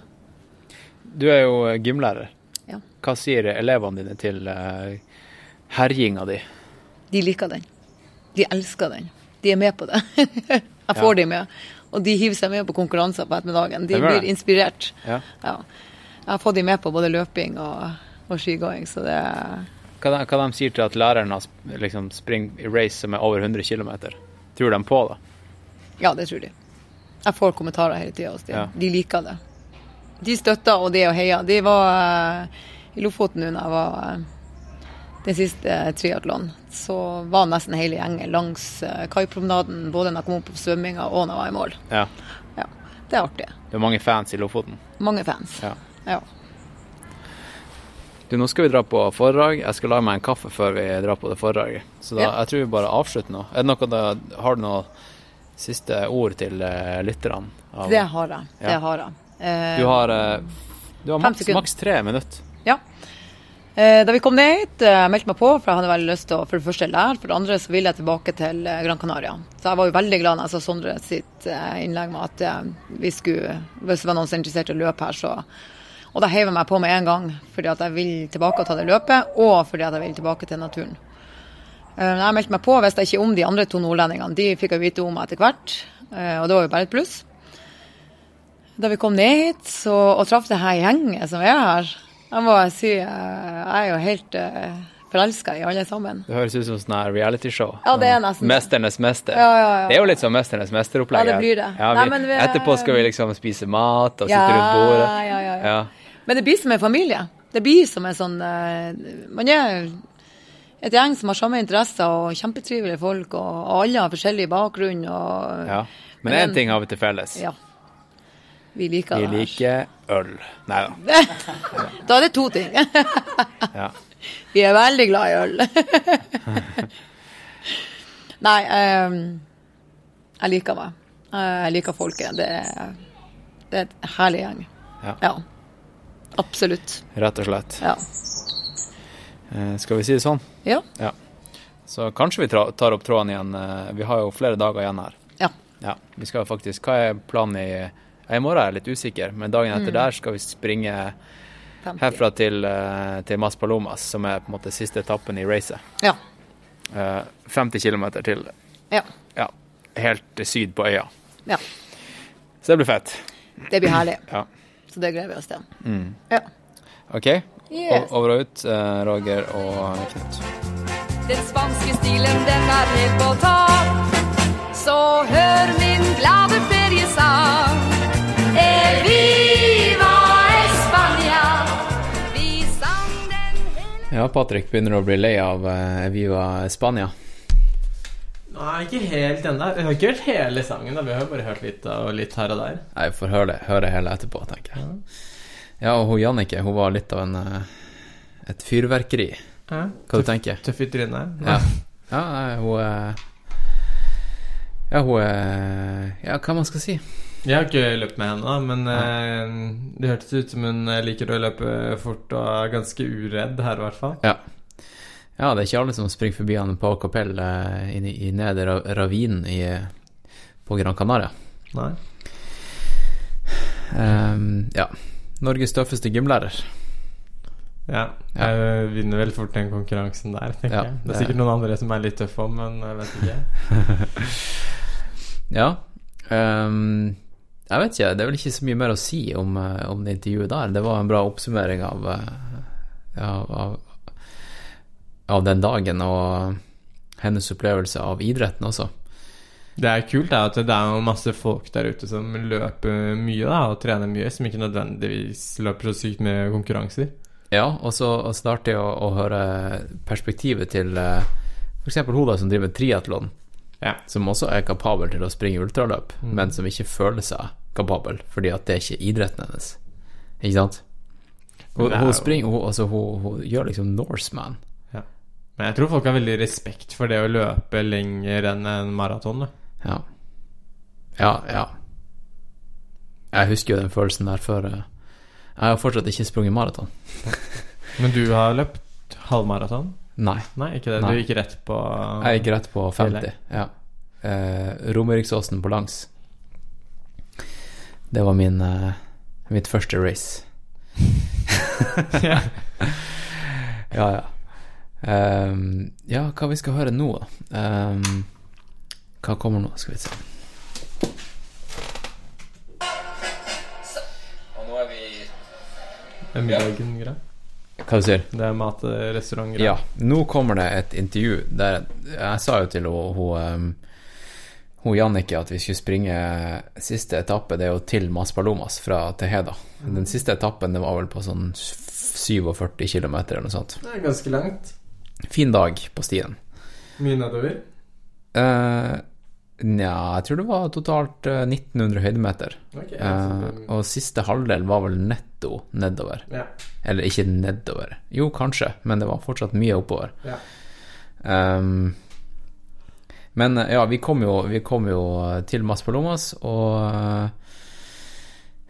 da må man jo feire litt. Og uh, det var på kvelden eh, på, på det hotellet, da, så var det jo buffé. Og buffé med en gjeng eh, Det hadde ikke de forutsett, for å si det Nei, sånn. nei. en gjeng som har sprunget 50 K. Det, det er farlig. Men eh, det gikk fint for seg. Og så, så var det selvfølgelig litt, eh, litt bobler i glassene og, og litt sånt. Og så satte jeg meg ned og prata med ei som heter Rakel. Ja. Eh, ei dame fra, som opprinnelig kommer fra Mexico, som kom til Norge rett og slett for å, for å eh, få eh, et annerledes liv. Et bedre liv, bedre liv, rett og slett. Eh, og det var Jeg tenkte jeg skulle bare bli bedre kjent med henne, fordi hun er Hun har en spennende bakgrunn, og, og tenkte å komme liksom fra, fra, fra helt andre sida av jorda. Lite no- visste hun om at hun skulle begynne å løpe ultra. ikke sant? Så det, ikke bare det har hun klart å etablere eh, en eh, tannlegeklinikk og jobb, bli en successful tannlege. Eh, hun springer ultra og maraton, og hun er en, eh, en klassisk overachiever, vil jeg si. Men eh, ikke en overachiever som sliter med å holde det gående, så hun er bare turbokanin. Eh, rett og slett. Og ja, hun hvis, eh, Jeg skal faktisk eh, til henne på mandag og på tannlegetime. Ja. Hun rekrutterte meg. Hun har faktisk Det er sånn nettside, du vet I 2019 som vi lever i, så kan man jo rate og kommentere på leger og tannleger og sånt. Ah. Eh, Så hun ville at du skulle legge noen ratings? Nei, nei, nei, nei, nei, nei. men greia er at hun er den, den, den klinikken hennes er den klinikken som har fått best ratings og reviews eh, i hele Norge. Fett. Eh, og jeg er ganske sikker på at det er ikke bare fordi at hun leverer bra service på, på tennene, men fordi at hun er et eh, likende menneske. Og det har mye å si, altså, i, eh, i helsetjenesten. Det er ikke bare å stille en diagnose og, og sende deg ut døra. En bra opplevelse kommer godt med. Uh, ok, da skal du få høre intervjuet eller praten med både Rakel, og så kommer det jo selvfølgelig, vi sitter jo på restauranten her, så kommer det masse folk. Uh, og skal vi se, jeg noterte med hvem andre som kommer. Det er jo hun eh, Han Neil Neil kjenner du kanskje? Neil Neil. Neil Dryland. Ja, ja, Eh, Dayman. Han var der, han òg? Ja, han var der. Han var på tur, ja. Han var på tur. Kanskje vi ser han på Bislett i morgen. Er ikke han en sånn han, er, han er litt sånn uh, Bislett-rotte. Ja. Ja, ja. Bislett-rotte. Vi pleide å si det på snowboard og sånn, sammen er parkrotte. Det er en del Ja. sånne Bislett-rotter, er det ikke det? Ja, nei, jeg har jo jeg ikke, jeg har bare vært på Bislett en håndfull ganger i mitt liv, så jeg vet ikke, men eh, jeg har det inntrykket i hvert fall. Jeg har ikke vært der siden Bislett 24. Jeg hadde veldig store planer om å løpe der en del i vinter. Jeg løp der en del i fjor vinter, men jeg tror jeg fikk litt eh, nok. Så Ja. Jeg ble også litt fed up av Bislett. det løp ikke engang. Eh, ok, og så var det hun Det var flere rundt bordet, og et par som deltok. eh, Hun, hun Ingrid, Ingrid Lie, hun har vært på podkasten før, og vi har snakka litt om henne her i, i, Nå, i denne episoden også. Ja, hun har også løpt på Bislett. Hun eh, får mikken litt, eh, og så ei som heter Deimante, og ei som heter Inga. Og Inga, eh, hun har vært på Stirsdag. Ja, det tror jeg var. Det Ja. virket veldig kjent. Inga Rybak heter hun. Og begge, Diamante og Inga, de er fra Litauen. Ja. Så det skal, skal vi få høre litt eh, om eh, nå. Nå, er- nå recorder jeg, rett og slett. Nå er det recording. Jeg må bare være, litt sånn på alerten, fordi at han eh, Han Knut, når de er tilbake, så skulle han si ifra jeg har nøkkel til rommet. Men, eh, ja. Eh, nå sitter vi i eh, ja, et sånt lite klisjé bungalow Gran Canaria-hotell. Eh, I en bar og tar en pils og, og et glass rødvin og rett og slett feirer at nå har vi sprunget over hele, hele øya. Og i dag sprang vi 40 Hvor langt ble ble det til slutt? 40, 47 km? Bare slå denne her. Ja, ja. Eh, og nå er det litt sånn eh, før Ja, vi, det, vi, vi sitter i baren før middag og, og bare lingrer litt og smalltalker. Og jeg tenkte jeg skulle bare recorde litt og ta en oppsummering av dagen. Dette er jo siste dag av campen. Og nå er vi, skal vi se, én, to, tre, fire, fem stykker rundt et bord her. Og med min, ven- med, med min venstre side så har jeg Ja, du kan jo få lov til å introdusere deg sjøl, Raquel. Jeg er Raquel fra Mexico. Eh, hvor gammel er du? Og Ja, eller hvor, hvor vi skal starte, egentlig? Hvor- Du kan jo eh, du kan si hvordan du har hatt det her på campen. Kan, kan du gi en liten oppsummering? Jeg hadde det kjempebra, egentlig. Jeg visste hva skulle jeg skulle få fordi jeg kom til kampen i fjor. Men uh, denne gangen ble mye bedre. Hva var, hva var det som var bedre i år enn i fjor? Ja, fordi dette var uh, mye bedre organisert. Fordi da eh, kunne vi ta hele bagasjen til eh, det stedet vi var i fire netter. Da hadde vi mulighet til å bytte klær og ha litt forskjellig utstyr vi trenger egentlig for å være der. Ja, for i fjor så sprang vi med alt hele veien Ja, i, i sekken. Ja, for i fjor vi løpte med hele greia på, på ryggen. I fjor så var det rett og slett fastpacking. Da vi sprang fra vi sprang hele um, Trans Gran Canaria-løypa fra start til slutt, og så overnatta vi to-tre steder. I år hadde vi camp på ett sted, og så sprang vi litt sånn rundt på, på de forskjellige stiene. Pluss en dag. Plus en Ja, pluss en dag til, ja. ja. Så vi har sprunget Oi, jeg mista jakka si her. Ja. Jeg sjekka Strava i stad. Eh, De dagene som dere har vært der, så har vi sprunget um, 117 km. Eh, nei, det, det er tull. Det er siden mandag. I dag er det onsdag. 117 siden mandag. Jeg så bare den This Week-opplegget. Det er rått. Det er ganske rått. Ja, um, det er jo faktisk to rundt det bordet her som har uh, hatt en heftig opplevelse i dag. Og det er jo Rakel, som nettopp uh, snakka litt, og så er det jo Ingrid. Kan du, uh, Rakel, du kan jo starte med å si hva var det som gjorde at dagen i dag var litt uh, heftig? Saken jeg fikk eh, litt eh, vondt i magen etter ti km. Det var en eh, heftig start oppover bakken. Og eh, jeg begynte å føle meg litt så småkvalm. Og etterpå ble det, etterpå det ble bare økende, økende, økende. Men jeg klarte å kjøre til eh, 32 km. Da tok vi en sånn privatbil som kjørte oss eh, her til hotellet. rett og slett tok en taxi. Ja. ja, ja for det, det går ikke an å springe når man kaster opp. Ja. Første gang jeg får sånn eh, type problemer. Hadde jeg hørt om det, fra deg til og med. Hva da? Mageproblemer.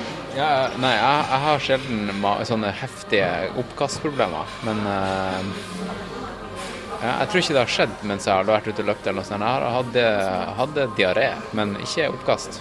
Det er bra. Jeg oppkastet bare her på hotellet. Men hadde mageproblemer hele tiden. Det var liksom ikke morsomt eh, de siste ti. Nede så jeg følte sånn boom, boom, boom. Sånn. Ja. Hva med, deg, Ingrid? da? Hva, kan du gi en liten recap av, eh, av dagen? Jeg, jeg sprang jo med deg he, hele dagen, og jeg var vitne til kanskje tre oppkast uh, i, i veikanten. Og jeg, jeg, vet var, jeg vet det var en struggle fra start til slutt. Kan ikke du gi en liten rapport? Eh, Og lytterne de, har, de vet jo hvem Ingrid er. De hun var jo i denne episoden som het 'Fem stykk badass eh, ultraløperløpende kvinner i ett og samme rom'. Så eh, Ingrid Lie, kan du gi en om en dagsrapport? Ja. eh, jeg har jo ja, jeg har hatt litt mageproblemer nesten under hele oppholdet. Eh, det begynte egentlig på dag to med veldig veldig løs mage. Der det altså alt jeg spiser bare renner igjennom. Så jeg har slitt litt med næringsopptak og eh, litt med sånn kvalme og sånn under turer, da. Eh, så har jeg vært en del våken på natta og sånn, så rett og slett vært på do. Eh, og dagen i dag var ikke så veldig annerledes. Det starta relativt tidlig med litt sånn følelse av dårlig mage og oppkast. Eh, så det var egentlig en struggle å klare å holde energien oppe og komme seg av gårde. Og spesielt etter lunsj, da. En litt sånn heftig lunsj i Tunta. Hva, hva spiste du til lunsj? Da hadde vi spansk omelett og en svær eh, alkoholfri pina colada smoothie. Så jeg tok jeg halve med meg i drikkeflaska, da. Eh, og så hadde vi kaffe og eh, brød med aioli inntil. Eh, da fikk jeg i meg sånn omtrent halvparten av det, da. Eh, og noe av det kom opp igjen etter første bakken. Eh, og så fikk jeg mest problemer den lange siste bakken. Eh, da hadde jeg ja, da hadde jeg et toalettbesøk, som ikke som var så veldig morsomt, og så hadde jeg oppkast. Så når jeg kom på toppen, så så jeg stjerner og måner og var ganske dizzy. Og bunka heftig. Og så var det å prøve å løpe ned igjen. Så ja, da var det liksom kanskje 15-16 km igjen til eh, Mas Palomas. Ja. Ja. Det, det var en heftig opplevelse, da, kan jeg tenke meg. Det, har du hatt mageproblemer før, eller var det noe nytt? Var det fordi at vi spiste frokost og lunsj, liksom Altså, vi spiste frokost, og så var det rett ut å springe. Og så var det lunsj, og så var det rett ut å springe. Har det noe med det å gjøre, eller har du hatt issues før? Eh, Det kan handle med det å gjøre, for jeg pleier ikke å løpe på så full mage. Men det kan også ha litt med høyden å gjøre, faktisk. Jeg er ikke helt sikker. Um, Ettersom det har vært et problem nesten alle dagene jeg har vært her, da. Så kan det virke som det på en måte er ja, mer enn bare maten. Eh, hva skal jeg si? Men eh, ja. Uh, Kom meg gjennom greit. Så ja. ja. jeg er imponert eh, over at du klarte å, å rett og slett eh, ro deg i land. Ro deg i land. Nå sitter folk eh, rundt bordet her og så ser de på bilder fra dagen og, og sånn. Hva, er- hva er det Hva er dere to andre som har vært eh, stille her nå? Hva, hva dere eh, er, det noen er det noen som har lyst til å delta i podkasten? Nei? Nei? Kan dere si navnene deres i hvert fall, så dere får uh, for the record. Hvem er, hvem er det som er her? Jeg er Deimante fra Litauen, men nå bor i Oslo. Det var en helt fantastisk tur. Mye nedover, så, nedover, så det var veldig, veldig mye moro. Ja, du skal ikke kimse av ned- nedoverbakka. Det, det kan ta ganske heftig på lårene. Og hofteleddsbøyeren. Det, det er bra trening, altså. Men mye lettere enn eh, lettere enn oppover. Du syns eh, nedover er lettere enn oppover? Ja. ja, det er en smakssak. Det er en smakssak. Og her har vi hvem? Jeg heter Inga. og er Opprinnelig er jeg fra Litauen, men bor i Oslo. Dere begge er fra Litauen. Eh, hva, hva som fikk dere til Oslo? Kjente dere hverandre fra før, eller? Eller eh, opp, er det her første gang dere møtes? Det, Vi har kjent fra før, men uh, gjennom løping, da. På grunn av løping. Hvordan, eh, hvordan er det dere ble kjent gjennom løping? Var det liksom sånn her Jeg vet jo det at det, det er et lite miljø på Bislett på lørdager, f.eks. Er det sånn uh, Bislett uh, Bare kom og sett deg, Neil. Ta deg, ta deg en stol og slå deg ned. Ja, er det, er det flere fra Litauen som, eh, som springer i Oslo? Ja, det er bra lit, litauisk miljø, løpemiljø. Ja, vi har ganske mange som Cirka liker, 20. ja, som liker å løpe. Som alle. 20 litauere i Oslo som springer sammen. Det er jo helt rått. Ja, ja, ja. Men uh, alt i alt, det har vært en, en bra opplevelse. Kjempebra. Ja. Veldig bra. Har dere sprengt noen grenser? Har dere liksom eh, gjort noe Føler dere at den turen her har At dere har gjort noe dere ikke trodde dere kunne klare? Ja, faktisk. For jeg trodde at jeg trodde ikke at jeg kan løpe så mange dager så langt. Nei. Jeg har aldri gjort det før. Så Jeg tror ikke jeg kan det. Nei, det har vært eh, ganske fett eh, på den campen her å sett eh, folk som kanskje, kanskje aldri har sprunget maraton før, springe et maraton tre dager i strekk, ikke sant, i fjellet. Det er ganske fett å se de mestringsfølelsene der. Og nå har det satt seg en, en, en, en kar rundt bordet her. Nå er vi to dudes og, og fire dudettes her. Eh, og eh, han eh, kar nummer to, han eh, spretter nå en Hva er det du drikker nå? Cava. En cava, ja. ja. Det har du fortjent, Neil. Du kan, du kan ta mikken og ha en monolog i et par minutter. Bare in introdusere deg sjøl og, og gi litt en oppsummering av dagen. Du har du har trynt litt. Ja, Hei, uh, Neil Dryland. Um, vært med på den kampen nå for tredje gang. Tredje år på rad. Og den siste dagen alltid litt magisk å løpe ned fra Tedia til Maspalomas. Um, denne gangen det var min tur til å tryne. Så jeg har slått opp på hofte og albu og hånd og kne, men alle har hatt et fall eller to i løpet av den turen, så det er ikke noe nytt. Det er bare sånn som skjer. Skrubbsår overalt. Det er gøy. Nå, nå, eh, ja, nå sitter du litt langt unna, så jeg får ikke liksom kasta over spørsmål. Men eh, hvor du kommer fra, og hvor, eh, hvor lenge har du vært i Norge, og når begynte du med løping? Ja, jeg kom til Norge for første gang i 1995 med jobb. Uh, flyttet i 1997. Jeg var boende der nå i ja, 22 år nesten. Uh, begynte med løping rett etter jul 2006, da jeg sto på badevekt hjemme og så jeg veide 100 kilo. Da var det på tide å gjøre noe, så da begynte jeg med løping.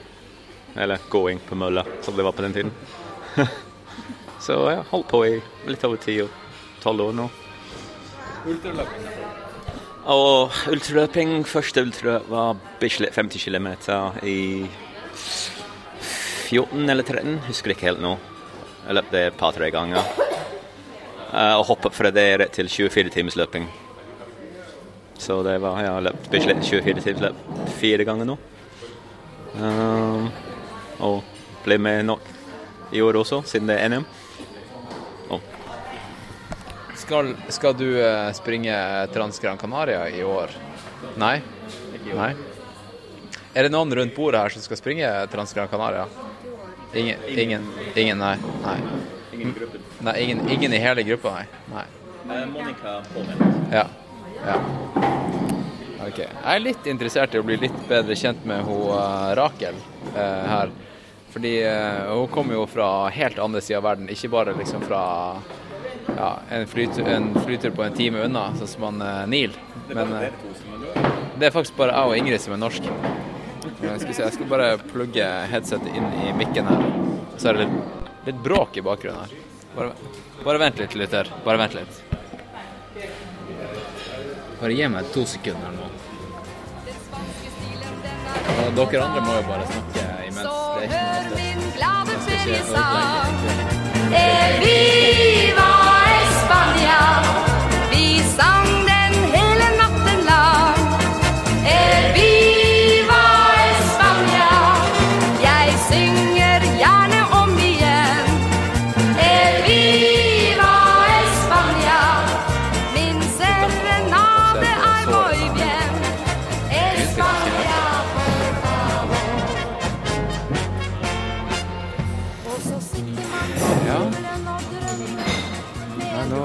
Rakel snart eh, slutte å snakke med han Neil her, fordi at eh, nå skal hun snakke med meg.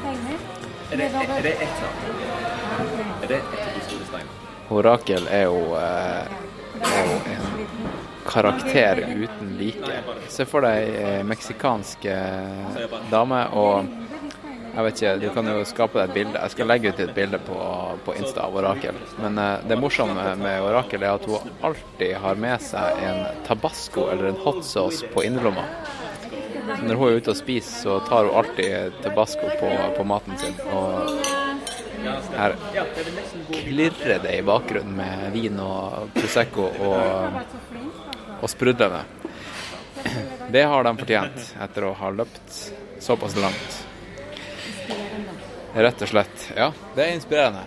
Ja, det er det. Du Rakel, eh, kan du fortelle litt om prosessen fra Hvis bare den, hvis bare den, den ungen der kunne slutte å skrike? Um, ja. Kan du, kan du fortelle litt om prosessen, til, eh, prosessen din fra Mexico til Norge? Når, når kom du, og, eh, og hva har du gjort liksom, etter at du kom til Norge, og hvordan, hvordan begynte du med løping? Ok, jeg eh, var turner siden eh, jeg var tre år gammel. Turner. Så jeg eh, ble ferdig med det da jeg ble 23. Da jeg startet universitetet, jeg er utdannet tannlege i Mexico. Og fikk jeg, eh, pleide jeg å få flere ulike helt som eh, brudd eller skadet hendene pga. apparatene i gymnastikk. Det er en uh, veldig høy risikosport. Måtte jeg slutte med det. Da startet jeg å spille baseball isteden.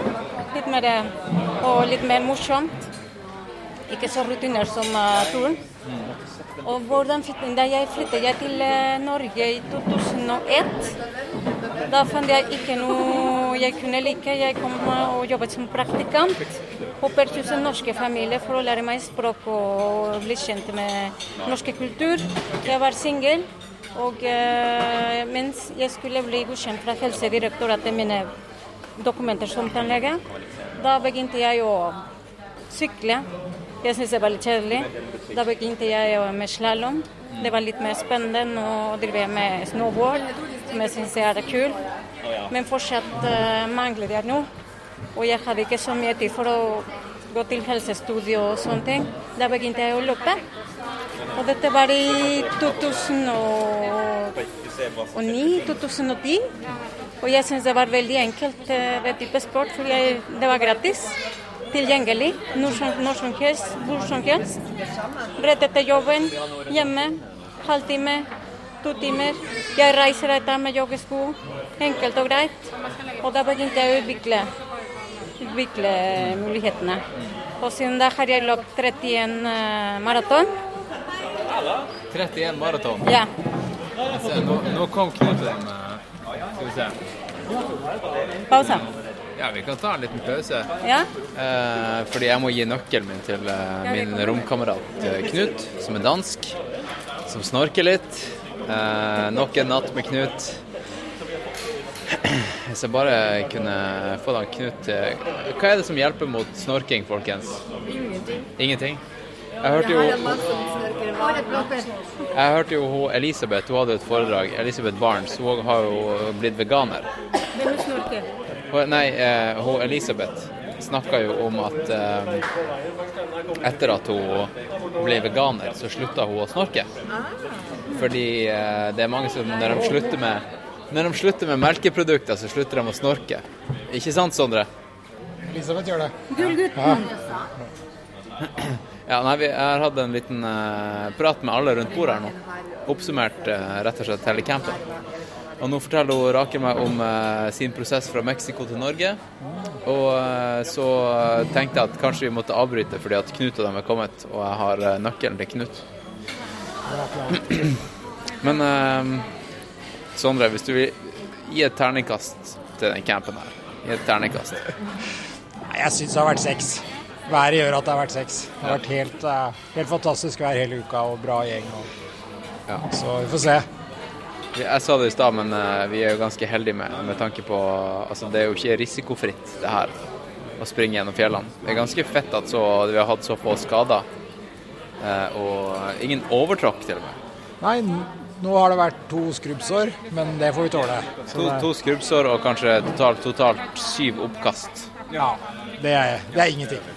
Det er ingenting. Nei, nei, sånn sett så har det vært veldig bra. Det er jo det er litt av det som gjør dette litt skummelt. Men eh, når folk har bra balanse og klarer seg bra på stien, så er det bare gøy. Ja. ja. ja ja. men da tror jeg jeg tar på pause, og så skal jeg gi Knut nøkkelen, og så eh, kanskje vi plukker opp tråden igjen. Hvordan går det? Rett og slett. Veldig bra. Rett og slett.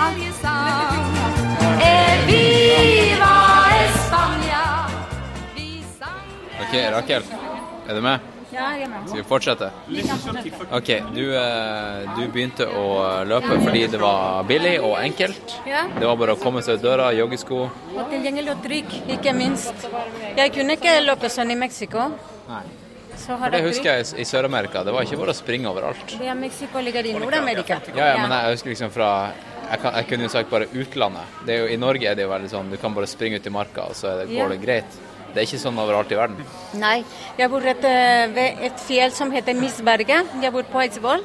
Der har jeg vært. Der har jeg vært. Eh, hvis det er noen som er spesielt interessert, bare gå på YouTube og så søk etter Mistberget. Der har vi en legendarisk video med Skyblazers-crewet på er det? Jeg tror det er 700 meter over havet. Ja, det er jo sånn. Og det, på det fjellet har du mulighet til å løpe i asfalt. Da har du mulighet til å løpe i stier. Da har du mulighet til å løpe i grus. Mm. Høyden, avstand. Ja, det er kjempefint. Ja, men jeg tror ikke, jeg tror ikke det er tregrense der. Mm. Du kommer liksom til toppen, og så er det et sånn eh, branntårn. Ja, nettopp. Og så det er målet, det er første målet. Da det var kommet opp, og da alle trappene, og da kan du se hele flott utsikt i Romerike. Ja. Fantastisk. Det er, eh, jeg tror det er det høyeste fjellet i hele Romerike. Det høyeste fjellet i Eidsvoll kommune. Er det sånn? Jeg tror det. Ja. Fantastisk. Så det er eh, bare å springe når som helst. Hvor som helst. Mørke, morgensagen, midt på dagen. Da er det der fjellet som venter. Men hvor mange maraton har du nå sprunget, sa du? Jeg sprunget 31 maraton, og i fjor løpte jeg 12 maraton og, Løp du tolv maraton i fjor? I fjor. og 5 ultra. Hva i helvete? Og så Hvor, debuterte jeg på min eh, første 80K i fjor. Og da oppdaget jeg jeg kunne klare det, og så skadet fritt hele året. Jeg løpte tre ekotrail i fjor. Rajavik, Firenze, Oslo. Og så sprunget jeg Ultra Birken og dobbelttraven. Helt flott. holy shit. Hva, hva tenker du når du melder deg på de her? Altså, sånn, har du ambisjon om å gjøre det eh, bra plasseringsmessig, eller er du der kun for å gjennomføre og ha det fett og oppleve liksom, reise og mat og kultur og sånt? Hva, hva, Nummer to. Nummer to. Nummer to, ja. Ja. ja. Så hva, hva Her kommer det Her kommer det løpere på rekke og rad. Nei, nei, Liss. Det er greit. Bare bråk, bråk så mye du vil. Bare bråk så mye du vil. OK, så eh, fjoråret, da. Du opplevde mye. Hva, Ja. var, hva var det du husker best av fjoråret? da? Den beste. Bare vi kan vente de her eh, stolene og folk til å romstere litt her nå. Ja. Ja, nå, nå de og styrer. Det blir jo et veldig langt bord hvis man skal lage et langbord til eh, Jeg vet ikke hvor mange vi er, nesten 20 stykk. Ja, det blir farlig etterpå. Nå skal vi snart eh, ha buffémiddag med, med 20 stykk som har sprunget 50 km i dag. Det blir litt av et syn. Nei, nei, bare slå dere ned. Det er ikke noe, ingenting som kan eh, avbryte. Det her er bare fett. Smalltalk. Smalltalk før middag. OK, Rakel. Eh, høydepunktet fra i fjor med race. Så det var pluss små distanser. Halvmaratoner, TK Sånn. Ja, men sånn høydepunktet. eh, Ja, sånn eh, reise, opplevelse og sånt. Hva, hva var det? Den høydepunktet, selv om hver eneste løp har sin preg pga. kulturen, byen, Ja. nytt folk jeg treffer. Den beste, det er da jeg lærte mest, og det var veldig spennende å løpe i Venezia. Hva, hva var det som var så spennende med Venezia? Venezia, jeg opplevde, jeg følte meg som en film, for jeg ble forsinket en time på selve løpingen, fordi den klokken skulle stilles tidligere. Ja, det var helt så du, så du, du gjorde en rookie mistake? Ja. Ja. Saken er jeg startet helt til eh, slutt, fordi alle hadde dratt, for jeg var en time forsinket. Jeg fikk lov å starte, og så løpte jeg, da hadde jeg løpt jeg på førvei seks kilometer. En annen historie før maraton for å rekke bussen. Jeg rakk ikke og så hente pengene fra hotellet for å ta taxi til startlinje og bla, bla, bla. Og det var seks kilometer før maraton. Da rakk jeg å starte maraton. Jeg fikk lov, som jeg alle hadde rødt. Måtte, måtte du liksom gråte til å få lov, eller? Jeg, teppen var fortsatt, så jeg kunne starte. Jeg fikk lov. Og så da jeg kjørte... før De sier jo at en, eh, en, eh, an adventure is a, is a badly planned expedition. Det var fantastisk. Det var liksom Det var en spennende eh, race fordi det var regn, det var mye vind.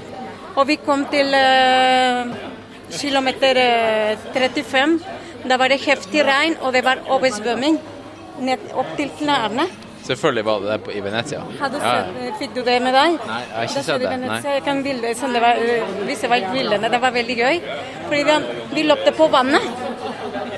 Det var eh, veldig spesielt og okay. veldig morsomt. Kan du ta, kan du ta bilde av oss, Sondre? Ja, Ja, OK, fortell. Eh, Du løp på vannet? Ja, det var veldig gøy. Og det var Smil. Ja, det blir bra. Og det var veldig spesielt. Så jeg eh, var så stresset sånn, jeg fikk ikke lov å, å fryse. Liksom. Det var veldig morsomt. Og så den andre opplevelsen, og jeg lærte mest av det, det var maraton i Jessheim. Maraton i Jessheim, Ja. er det det vintermaratonet? Vintermaraton. Og det er fordi jeg vil oppleve noe nytt. Jeg ville være pacer. Var du pacer? Ja. ja. Nå er det skålings her rundt bordet. Og så begynner livemusikk til og med. Og det her er sånn her eh, shitty coverband eh, sånn danskebåten-musikk. Akkurat som i fjor. Slår ikke feil. Og ja, ja. Her er stemning. Det- Det er så mye knusing av glass her i bakgrunnen.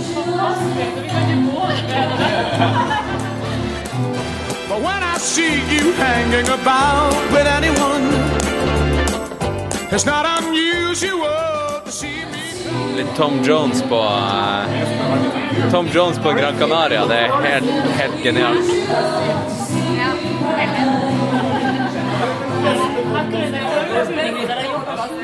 Det her blir den beste podkasten ever. Ja, ja. Og Sondre sitter ved siden av meg her med, med lumberjack-skjorte og Western States-beltet sitt, som han også hadde på seg i fjor. Og altså, Nå viser hun Rakel meg et Jeg skal ta bilde av, av det bildet som Rakel viser meg her nå. Det er av et bilde av hun der hun springer Venezia med vann opp til knærne. Helt rått. Men hvor, hvor, hvor langt måtte du springe? Hvor langt måtte du springe med vann opp til knærne? De siste seks kilometer. Pluss to kilometer til hotellet. Holy shit. Og hva ble vinnertida, da? Det var 4,20 eller noe sånt. Ja. Ja, vi hørte jo eh, det foredraget til Elisabeth fra, der hun snakka om eh, Maraton de Sables. Eh, og da var jo Da springer vi i sanda, og da sprang de beste på sånn tre timer hver dag i syv dager i strekk. Helt crazy. Ja, det er det. Så det er eh, de, de opplevelser der vi lærer mest, og vi kommer aldri til å glemme sånne ting. Fordi jeg løpte New York, jeg løpte eh, London, Boston i fjor. Det var også spennende. Løp du Boston i Jeg fjor? løpte Boston, Shit. og det var en uke etter jeg løpte eh, Roma. R bare en uke etter. Dæven, altså. Du har vært busy. Du har vært busy. Ja. OK. Um... Og det var London etterpå, så 33 grader. Så det var liksom Ja, nå lurer jeg deg, hvordan skal du toppe det her 2018-året? Hva skjer i 2019 for Rakel? Dette år satser jeg veldig på trail, ikke så mye maraton. For jeg syns, eh, etter alt jeg har opplevd, jeg liker best trail, rett og slett. Okay, Er det, er det da igjen pga. eh, selve opplevelsen av racet, eller alt rundt racet? Altså reisen og at du, at du blir tatt til rare steder rundt omkring i verden. Hva, hva er det som får deg til trail? Fordi det er eh, å oppleve natur, jeg liker natur, det er derfor jeg liker Norge så godt, mitt hjem. Og jeg vil eh, oppleve andre steder eh, sin natur. F.eks. Gran Canaria er veldig spennende. Jeg skal løpe Chianti. Hva, hva er det slags race? Chianti, Siena, Italia. Jeg skal løpe en race for 73 km i mars. Måneden løper jeg uh, High Flings i Skottland. Ja? ja. Deretter løper jeg eh, eh, eh, OTC. Jeg fikk plass i OTC. Du fikk det, ja? ja? Det stemmer det. Det fikk du vite i dag eller i går? Nei, jeg fikk vite den dagen det ble utdelt. Jeg tror det var eh, forrige uke. Ok. Ja. Og da er jeg spent. Det er jo en viktig Det er løp. fett. Chamonix og ja, ja. En del av det her UTMB-uka. Ja. Så, så skal jeg springe Praga Maraton. Jeg har lyst til Ja, Oslo Maraton, Oslo Ecotrail. Ja. Ultravirken igjen. Jeg har lyst til Stockholm. Sannsynligvis blir det. Ja, og det kommer litt mer eh, i høst. Ok, Så det blir litt mer sånn her race som du har gjort før, og litt mer rutine i 2019? da. Ja. Men fortsatt en, en del race, det vil jeg si. Ja, det blir, det blir race. Hva, hva gjør du eh, etter et race for å recover deg til neste race, siden du, du racer såpass ofte? Har du noen recovery-planer? Prosecco? Robin og Prosecco. Ja. Rett og, og sjokoladebamse. Det jeg gjør når jeg kommer ja, det, det er. Når jeg kommer til målet, det, er, det blir badekar. Se på bildene jeg tok. Det blir eh, rødvin. Jeg er forberedt med rødvin fra Gardermoen. Og så en stor pose sjokoladebamser. Og det virker, det kan jeg si. Er ikke sulten i det hele tatt. Da kan jeg bestille en sånn suppe til rommet. Og da klarer jeg meg til kveld. Da blir det fest. Of course. Ja, ja. Så det er ikke tid for å sove. Så man må feire. Selvfølgelig skal man feire. Ja. Jeg, jeg digger strategien din. Du er jo den som eh, drikker rødvin til lunsj eh, før økt nummer to, og du bare lever livet. Hva, eh, kan du utdype litt eh, grunnen til at du liksom bare Jeg vet ikke, du feirer livet litt sånn ekstra, da, føler jeg, i forhold til litt noen andre her. Jeg vet ikke, kanskje det er pga. kulturen. Jeg vet ikke. Det er bare meg. Og så Jeg har mye energi til overs. Jeg restituerer ganske fort. Jeg blir sjelden skadet, og min stakkars mann trenger litt ferie fra meg. Så jeg, får, jeg får lov å reise så ofte jeg kan. Og det er løpereise. Ja, men det er bra. Det høres ut som en bra deal, da. Ja. Er mannen din meksikansk eller norsk? er meksikansk, og han er også ultraløper. Men, Alright. ja, men han trenger mer tid for restitusjon. Så han får eh, kunne restitusjon også når jeg reiser. det er da han eh, kjører på med recovery. Ja. Du, du, du kan jo mye om rødvin, virker det som. Hva er, hva er det du eh, ser etter i en rødvin når du bestiller eh, i baren her nå? Hva ser du nå?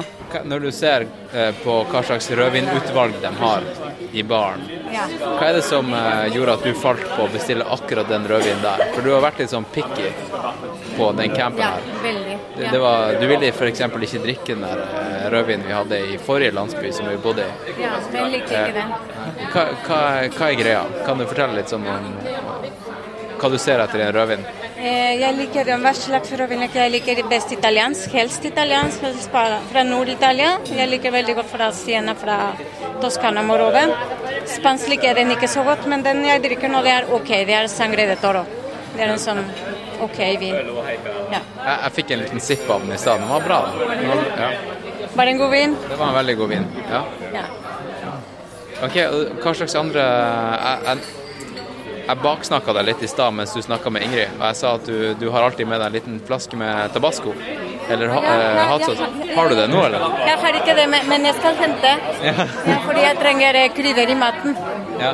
Vi har ikke Du har det med deg altså på hvert eneste måltid, eller er det bare til middag eller sånn?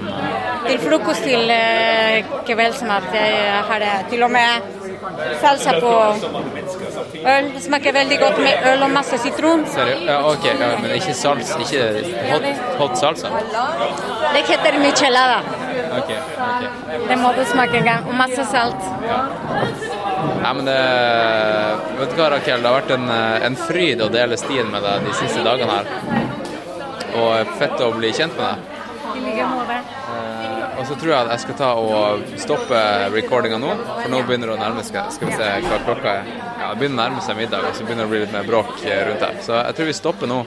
Og så eh, håper jeg at vi får uh, spilt inn mer podkast med deg etter hvert. Det er altså vi, uh, Livet er langt. Vi har god tid. Vi har god tid. Eh, vi ses garantert før neste år på Gran Canaria. Har du noen siste ord til lytterne mine? Noe, har du noe råd, livs, eh, livstiff? Hvordan skal man eh, nyte livet, sånn som Rakel? Hvordan skal man nyte det? Man må aldri være eh, eh, redd for å oppleve det man vil. Man må liksom prøve.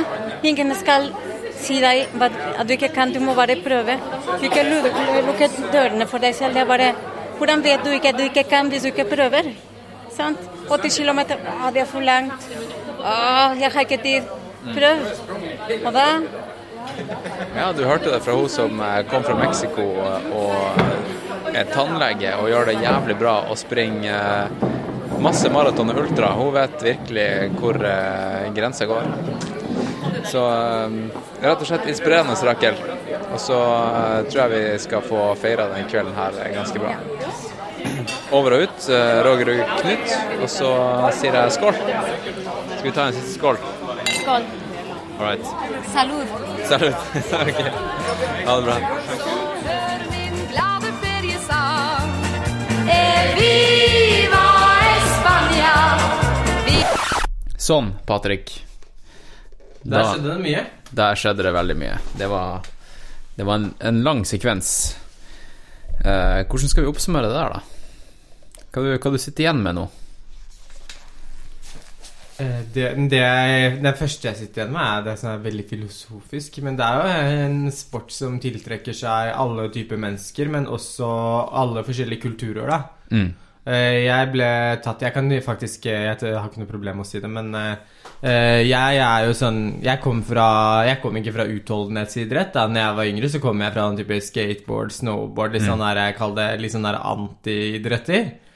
Og nordmenn er veldig glad i å gå på ski, og det er fett, det. Jeg syns det er greit å gå på ski, jeg òg nå. Det er veldig fint at folk kommer seg ut, da. Men eh, jeg blir litt sånn forbanna i marka i det siste. Jaha. Fordi jeg prøver å konstant ikke løpe i skispor, men noen ganger må man krysse skispor. Ja. Og jeg får så mye stygge blikk. eh, Gang på gang på gang. Og så var vi på Sinober nå forrige helg, en Ja. eh, gjeng, da. Og jeg er der hele året, jeg. For jeg føler liksom jeg eier ikke det stedet, men jeg føler vi er der ofte, og jeg, Mm. kjenner igjen folk og hilser. Og nå var det stappfullt, og det er kjempebra. Men det er helt annen stemning. da Ofte jeg kommer meg ut i skogen for å slippe unna folk. Men nå tenker jeg sånn de folkene som er der tre ganger i året, da Ikke at jeg har noe mer rett til å være der enn de, men de skal faen kjefte på meg fordi ikke jeg bruker marka riktig, da.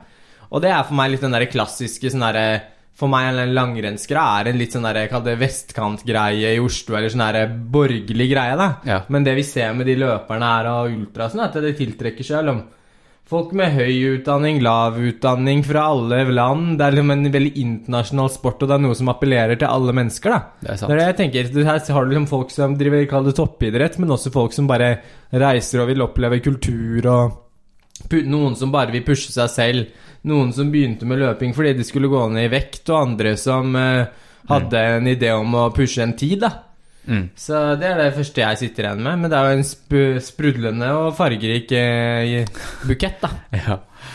ja, mildt sagt. Mildt sagt. Mildt Det sagt. er bra oppsummert, egentlig. Eh, ja, jeg skal jo til Orakel på, på mandag. Ja. Jeg lurer på om jeg har noen hull. Ja. Jeg Er du redd? det. Eh, jeg har ikke noe tann eh, tannlegefrykt eh, nå som Orakel skal se på tennene mine. Nei. Det blir bare fryd. Det blir bra. Eh, bare å ikke helle eh, tabasco oppi Bare hun ikke rotfyller rotfylle og heller helle ta tabasco oppi i stedet. Da Ja, det er skummelt. ja, jeg, jeg, jeg tok faktisk og, og sendte han, eh, han Kenneth, han nye som har begynt å trene, en melding nettopp, eller ikke nettopp, men før vi starta recordinga, spurte om han, om han lurte på noe. Eh, fordi han eh, Han har hørt veldig mye på Noe det alvor i det siste, og han vet godt hvem du er. Han følger deg på Strava og sånt. Ja, jeg tror kanskje jeg følger han på Strava. Ja, så han sendte meg litt spørsmål. Han sendte meg veldig mye, da, så jeg tror vi tar, tar noe av det. Du eh, velger ut noen? Ja, skal vi se her um, Ja, kan ta den her, da. Behandling i intensive treningsperioder. Fysioterapeut, massasje, tøying. Er det noe behov for sånne ting? Lurer han Kenneth på.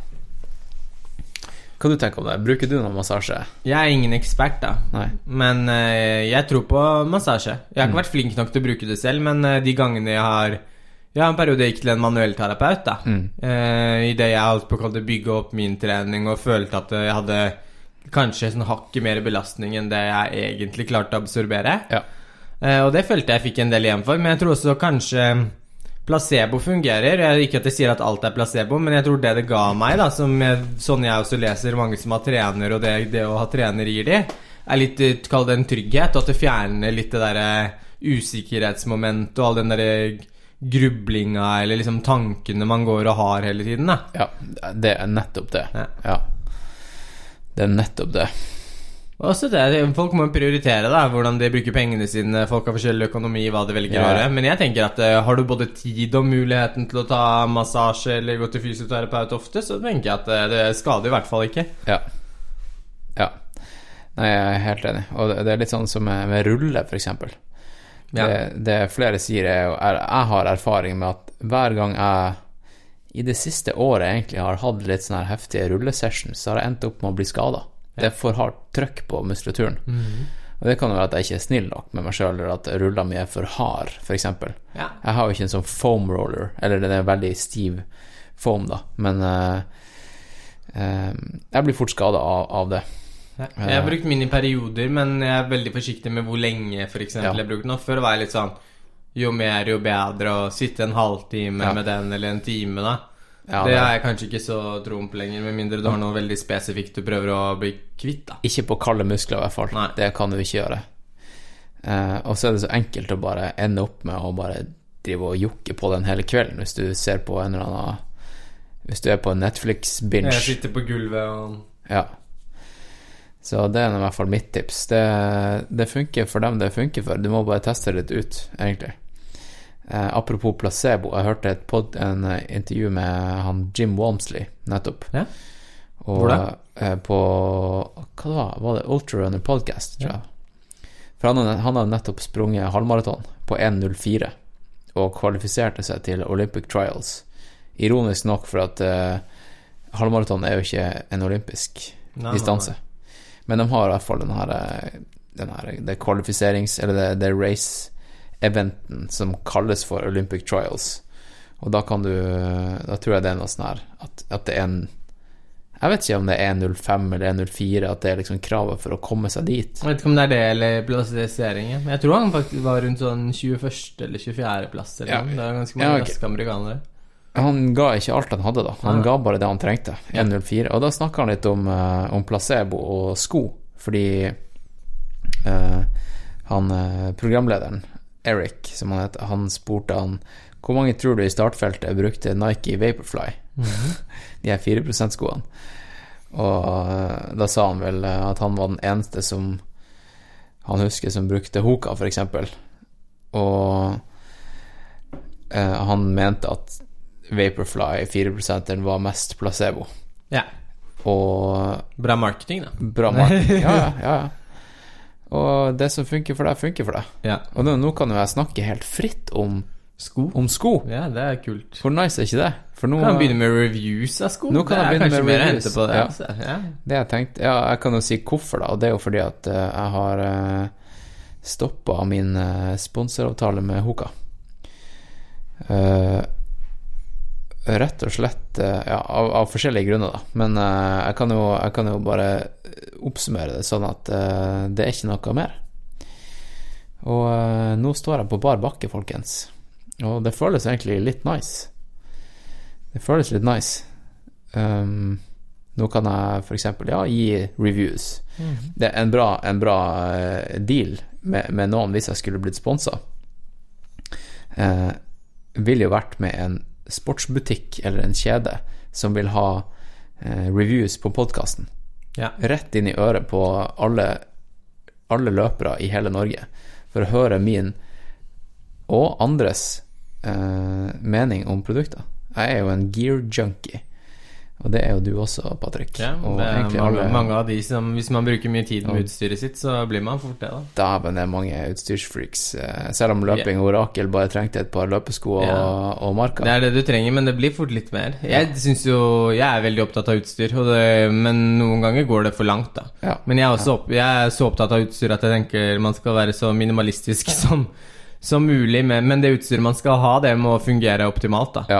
Og så er det dessverre sånn at eh, mye løpeting er jo bare laget som alle andre ting, og det er ikke nødvendigvis laget av folk som løper engang. Nei, ikke Og. Kanskje folk som jogger en 3-5 km tur.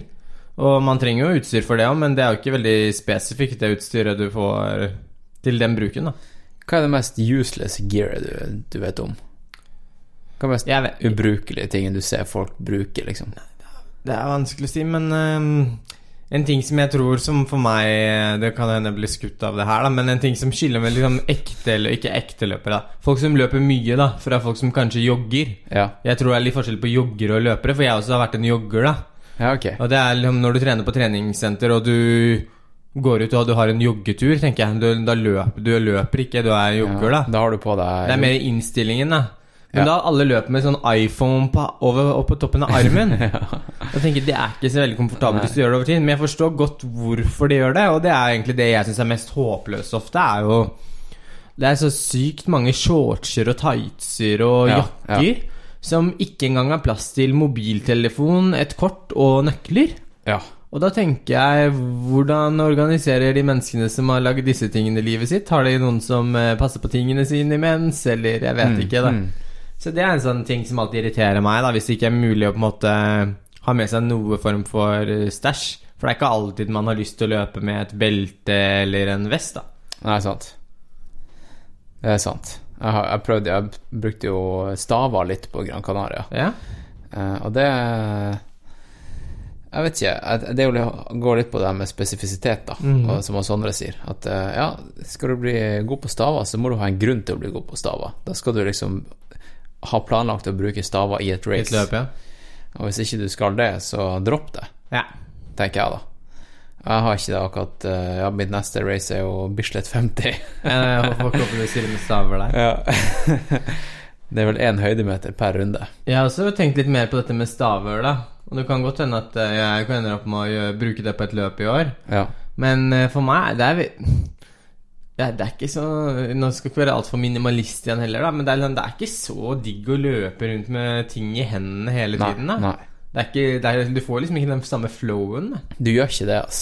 Og i hvert fall ikke i Sky Race. Eh, nå, nå prøvde jeg jo Jeg var jo kanskje, jeg var kanskje på 15 løpeturer Nei, 18 løpeturer på de, den tida jeg var på Gran Canaria. Og fire av fire-fem av dem var med staver. Og det jeg kan si, er at eh, i, i raskere race Ja. så er det sånn at eh, ja, du, du er kanskje raskere i oppoverbakka hvis du skal gønne på. Men hvis terrenget er sånn at det er litt kupert i oppoverbakken, der du liksom må veksle på uh, å bruke staver liksom på, av, på, av, ikke sant, da, da tar du uh, Altså, jeg mener det fra, fra å komme liksom fra i en bratt oppoverbakke til at det går rett fram i to-tre meter, som er løpbart, så velger du å gå de to-tre meterne hvis du har staver i hendene. Men hvis du ikke har det, Så det- så springer du du. Så totaltida, da eh, Jeg tror du har mer å gagne på på å ikke ha staver. Egentlig, hvis løpet er litt raskere og ikke så langt. Men føler du at du kan skåne beina nedover med staver? Noen sier Det var derfor jeg kjøpte dem, for jeg, jeg slet med runners knee før jeg dro ned. Ja. Eh, Så derfor jeg tenkte at eh, da kan jeg Da, da kunne jeg kanskje skåne meg. Ja. Men uh, ja, klar, det kan jeg også si. Jeg sprang fra meg runners knee. Jeg, jeg fikk en sånn ordentlig runners knee-smell. Det ligger noe i det der, da. to dager før jeg dro ned. Og så, og så eh, måtte jeg bare it up og være, være en guide. Og eh, etter Ja, etter første campen så eh, Som var vel på fire dager. Det tok meg fire dager å springe det fra meg. Og andre campen, da hadde jeg ingen issues. Det er kjempebra. Det er helt sjukt, og jeg har ikke slitt med det siden jeg kom hjem. Men eh, jeg har jo da miksa litt opp med forskjellige sko også, da.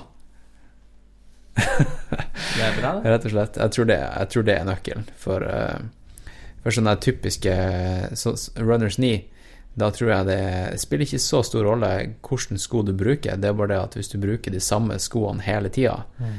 det er ikke bra. No. Du må variere, variere litt på både underlag og sko. Du hørte det her på Noe alvor, folkens. Um, ja, nå er klokka fem på ti på fredagskveld. Mm. Vi har vært her en stund nå. Vært her en stund nå. Hva, hva tenker du om kvelden? Nei, jeg skal eh, jogge hjem, jeg, tenker jeg. Så gjøre meg klar til Bislett i morgen tidlig klokken ti. Ja, hva er planene på Bislett i morgen? Eller sånn eh, Hva du har lyst til å gjøre? Nei, jeg har lyst til å løpe 30 km relativt sånn tempo, da. Ja, men det er eh, min tempo også. er Kall det ikke valgfritt, men det kan jeg se an, da. Ja. Fordi ja, jeg hadde jo egentlig litt sånn halvveis lyst til å løpe Bislett 50 tidlig i høst, Mm. men nå har jeg jo ikke løpt inne der én gang. Så den utgår litt for min del, egentlig, da. Men jeg Ja. tenker litt hvis jeg løper inne der i morgen Ikke kjempehardt og langt, men liksom sånn passe hardt og langt. Og så kall det digger det litt, eller ser jeg om jeg syns det er fett igjen. Og så kommer jeg til å ta en skikkelig hardtur der neste helg eventuelt, og så bare tenke etter det om man skal ta det som en For meg var det trening når jeg løp maraton der i fjor, da. Ja, ja, Se altså, om jeg gidder å gjøre det igjen, da. Det er jo derfor jeg gjør det. Ja. Det er jo bare trening, det er ikke for å gjøre det bra. Har, Nei, men jeg har litt problemer med det der, egentlig. da Det tror jeg er sånn Det var litt som hun ene vi hørte på nå, glemte jeg navnet hennes. Hun eh, Kar, eh, Kari Hontas? Nei, nei, hun fra, hun fra Lofoten. Ja, hun Jannicke. Jannicke, ja. Ja. Jeg tror jeg har litt sånn Jannicke-syndrom noen ganger. Det er liksom Men jeg tror kanskje at jeg ikke har så veldig konkurranseinstinkt, da. Og så står du på start, og så vet du at agendaen din er at det her løpet her er bare trening. Jeg har egentlig ikke trent spesifikt til løpet, Ja. men eh, jeg skal få utbytte fra treningen der. Mm. Og så får man ikke Man får ikke dårlig selvtillit, det er feil ord kanskje, men så står det andre der sammen med deg, og så vet du de folka her har trent spesifikt til det her. Mm. Og så blir man som mann og sånn, og så er man med å vurdere folk rundt seg. Ok, men vet du hva, jeg føler jeg er egentlig bedre enn han og han, kanskje. I hvert fall jeg Mm. tror det. I hvert Mm. fall man prøver å jekke seg selv litt opp for å liksom få litt selvtillit av det. Så, men de har trent spesifikt til det her, og det er ikke sikkert jeg er bedre enn de i dag og sånn. Mm. Og så glemmer man, i hvert fall jeg, litt bort agendaen med hvorfor jeg egentlig var der, og trening. Og så går startskuddet. Og så er det Texas, da. Ja, det er. Texas. Ja. Og det tror jeg det blir uansett. Men det ligger litt bra trening i det òg, da. Men da er det det der å prøve liksom å si Du, jeg, det, jeg er ikke her av helt samme grunn som alle de andre, da. Men det er jo ikke noe unnskyldning, eller man stiller jo i samme klasse, og resultatet Ja, ja, er det det er, da. Ja. Men da bare huske på det at ok, men jeg skal prøve å holde den og den farta i dag, jeg. Ja. Eh, og ikke bare følge etter nummer én og nummer to og tro at man skal liksom eh, komme på tredjeplass eller topp fem, eller hva man eventuelt ønsker, da. Ja, hvis det hadde vært så primalt som om at du skulle eh, imponere ei, ei Berthe som sto og så på. Da burde man kanskje ha det litt jevnt tempo, hun, hun der Bertha der, hun driter jo i om ditt A-race i sesongen er Hornindal om seks måneder. ja, du må jo levere Ja. sammen. Du må jo levere når det skjer, holdt jeg på å si. Ja. Så um, ja, jeg ser den der. Jeg, jeg har jo um, Ja, mitt neste race etter, eh, etter eh, Bislett 50, det er jo eh, det her Sky Race i Japan. Ja. Så det er jo det, Det er som er april? måte- Det er april, ja. Ja. Så det er jo på en måte mitt første ordentlige race. Det her bruker jeg bare som trening. Eller for å ha en liten sånn nugget på vinteren. Og en unnskyldning til å trene fart. Ja, Det er kjempebra fartstrening, da. Ja, ja. Og det er veldig bra for hodet òg. Jeg syns egentlig det er jo litt oppskrytt hvor hardt det er for hodet å løpe der inne. Det er bare beinhardt for lårene, da. Mm. Mm. Den der poundinga. Jeg kjenner det mest i leggene. Ja. Jeg har jo skøytelårene. Dem, Ja, det har du på dem holder bra. Men eh, leggene dem, er- og hamstring Ja, kanskje Bislett er perfekt for deg, da? Kanskje det. Det kan kanskje, kanskje folk eh, blir å se meg og Neil på, på Bislett. Plutselig er det du som står der på startstreken på 24 timer. Ja, kanskje det. Kan hende. Ja, det er jo litt fascinerende, da. Ja, ja. Altså, i hvert fall når man omgås med så mange som har gjort det. Ja, man begynner jo å lure det men så normaliseres det jo. Da tenker man ja, det, det er normalt. Ja. Med- ja, folk driver med det her, ja. ja, alle, alle mine venner driver med Bislett 50. Da. Jeg, jeg flirte jo da jeg så at liksom eh, dem, dem drev og, og sa ja, nå er det snart utsolgt. Eh, Bislett eh, 24. Ikke sant? Og det var liksom seks måneder til racet. Ja. Eh, men jeg, jeg skjønner det litt. Det er jo en ultimat test for å se hvor langt du klarer å springe på 24 timer. Det er jo interessant. Et interessant tall. Ja, det, men det er jo en happening, da. For det type miljøet, tenker jeg. Det Ja, det er noen som ser på det som julebord. Ja, det Det er liksom årets siste race, og eh, koldtbord hver, hvert eh, tredje minutt. Eller fjerde eller femte, eller eh, ja. Du må spise litt mindre enn det på 50, tror jeg, hvis det skal gå um, bra. Ja. Så ender du også opp med mageproblemer. Ja. Du skal jo begynne å runde av, eller? Ja, det kan vi gjerne. Uh, ja, klokka, klokka er ti akkurat nå. Uh, nå. Hva gjør Norge nå? Hva gjør resten av Norge? Nei, Hva er det som går på, på gullrekka over? jeg tror Jeg vet ikke om Skavlan er vel ferdig? Ja, han, ja, han er i hvert fall ikke på NRK. Han er jo på ja, han, han er ikke Der ser du hvor mye jeg eh, Ja, det er det jeg har fått med meg, at han er ikke på NRK. Nei, han er ikke der lenger, så han er i hvert fall ferdig. Han er ferdig. Nei, noen sitter vel hjemme. Det har vel vært eh, tacofredag, da? Ja. Ja. Det er nok det vanligste. Jeg, jeg savner litt den gamle taco tacofredag. Jeg lager jo aldri taco sjøl. Altså, taco er jo en sosial rett. Ja, ja. Du lager jo ikke Jeg steller jo ikke i stand til en full taco alene. Nei, taco for én. er- Taco for en, ja. Da, da lager man heller en burrito. En wrap, eller noe sånt. Mm. Ja. It's a wrap, skal vi si det sånn? Ja, kan bare si det. It's a wrap. Uh, ja, skal vi Har du noen eh, tips og triks til lytterne? Du vil, eh, du vil at de skal sitte, sitte igjen med etter denne episoden her? Nå har du Det er jo veldig Det er veldig generelt, da. Men Ja, jeg jeg, kan eh, si Jeg har plutselig fått litt øynene opp for den derre morgenløpingen, jeg òg, da. Vi snakket jo litt om det bare innledningsvis, men sånn generelt. Og jeg, var, liksom- jeg hadde litt problemer med det. Men jeg syns det er fint nå om vinteren å prøve å komme seg opp eh, litt tidlig Ja, ja jeg snak, vi snakka jo om det på podkasten med Thomas. Ja. Ja, det, for Det- meg det er kanskje litt tidlig igjen, da. Men eh, det er Folk får velge eller gjøre det de kan, på en måte. Men uh, det er viktig å få litt søvn nå, tenker jeg. Søvn, vet du hva, det er så sykt viktig. Og folk driver og overfokuserer på utstyr og gear og jeg vet ikke, rødbetjuice og alle sånne små tweaks de kan gjøre i treninga si. Vet du hva det viktigste du kan gjøre? Det er å trene, og så skal du sove syv til ni timer hver fuckings natt. Da har du gjort jobben. Og så må du spise litt, da. Du må spise nok. Spise nok og Ja. eh, sove. Ja, spising er- og soving er det viktigste. Det er tipset. Ja. Ikke noe sleeves eller eh, belte eller staver. Men hvis du sover for lite, så hjelper kompresjon. det kan jo være Ja. Ok, da sier vi sånn. Vi Viva i Spania. Ja da. Viva er Spania.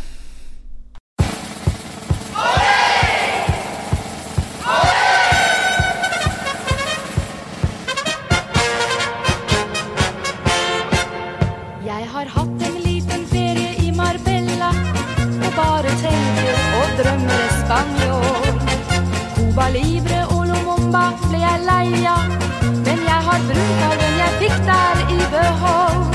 Det spanske folkets frihet, er jo kjent, og jeg er bitt av deres temperament. Så hør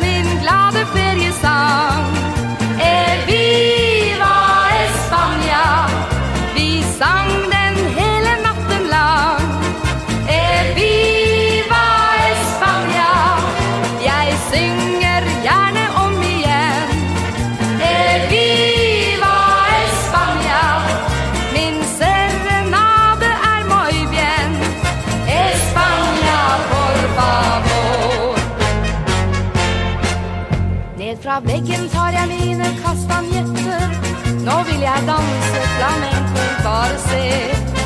Det skal klapre i parketten flere netter. Fra mine hæler når jeg roper ut olé. Jeg blåser vel i gammel, vanlig pop. Den spanske stilen, den er helt på topp. Så hør min glade feriesang. Eviva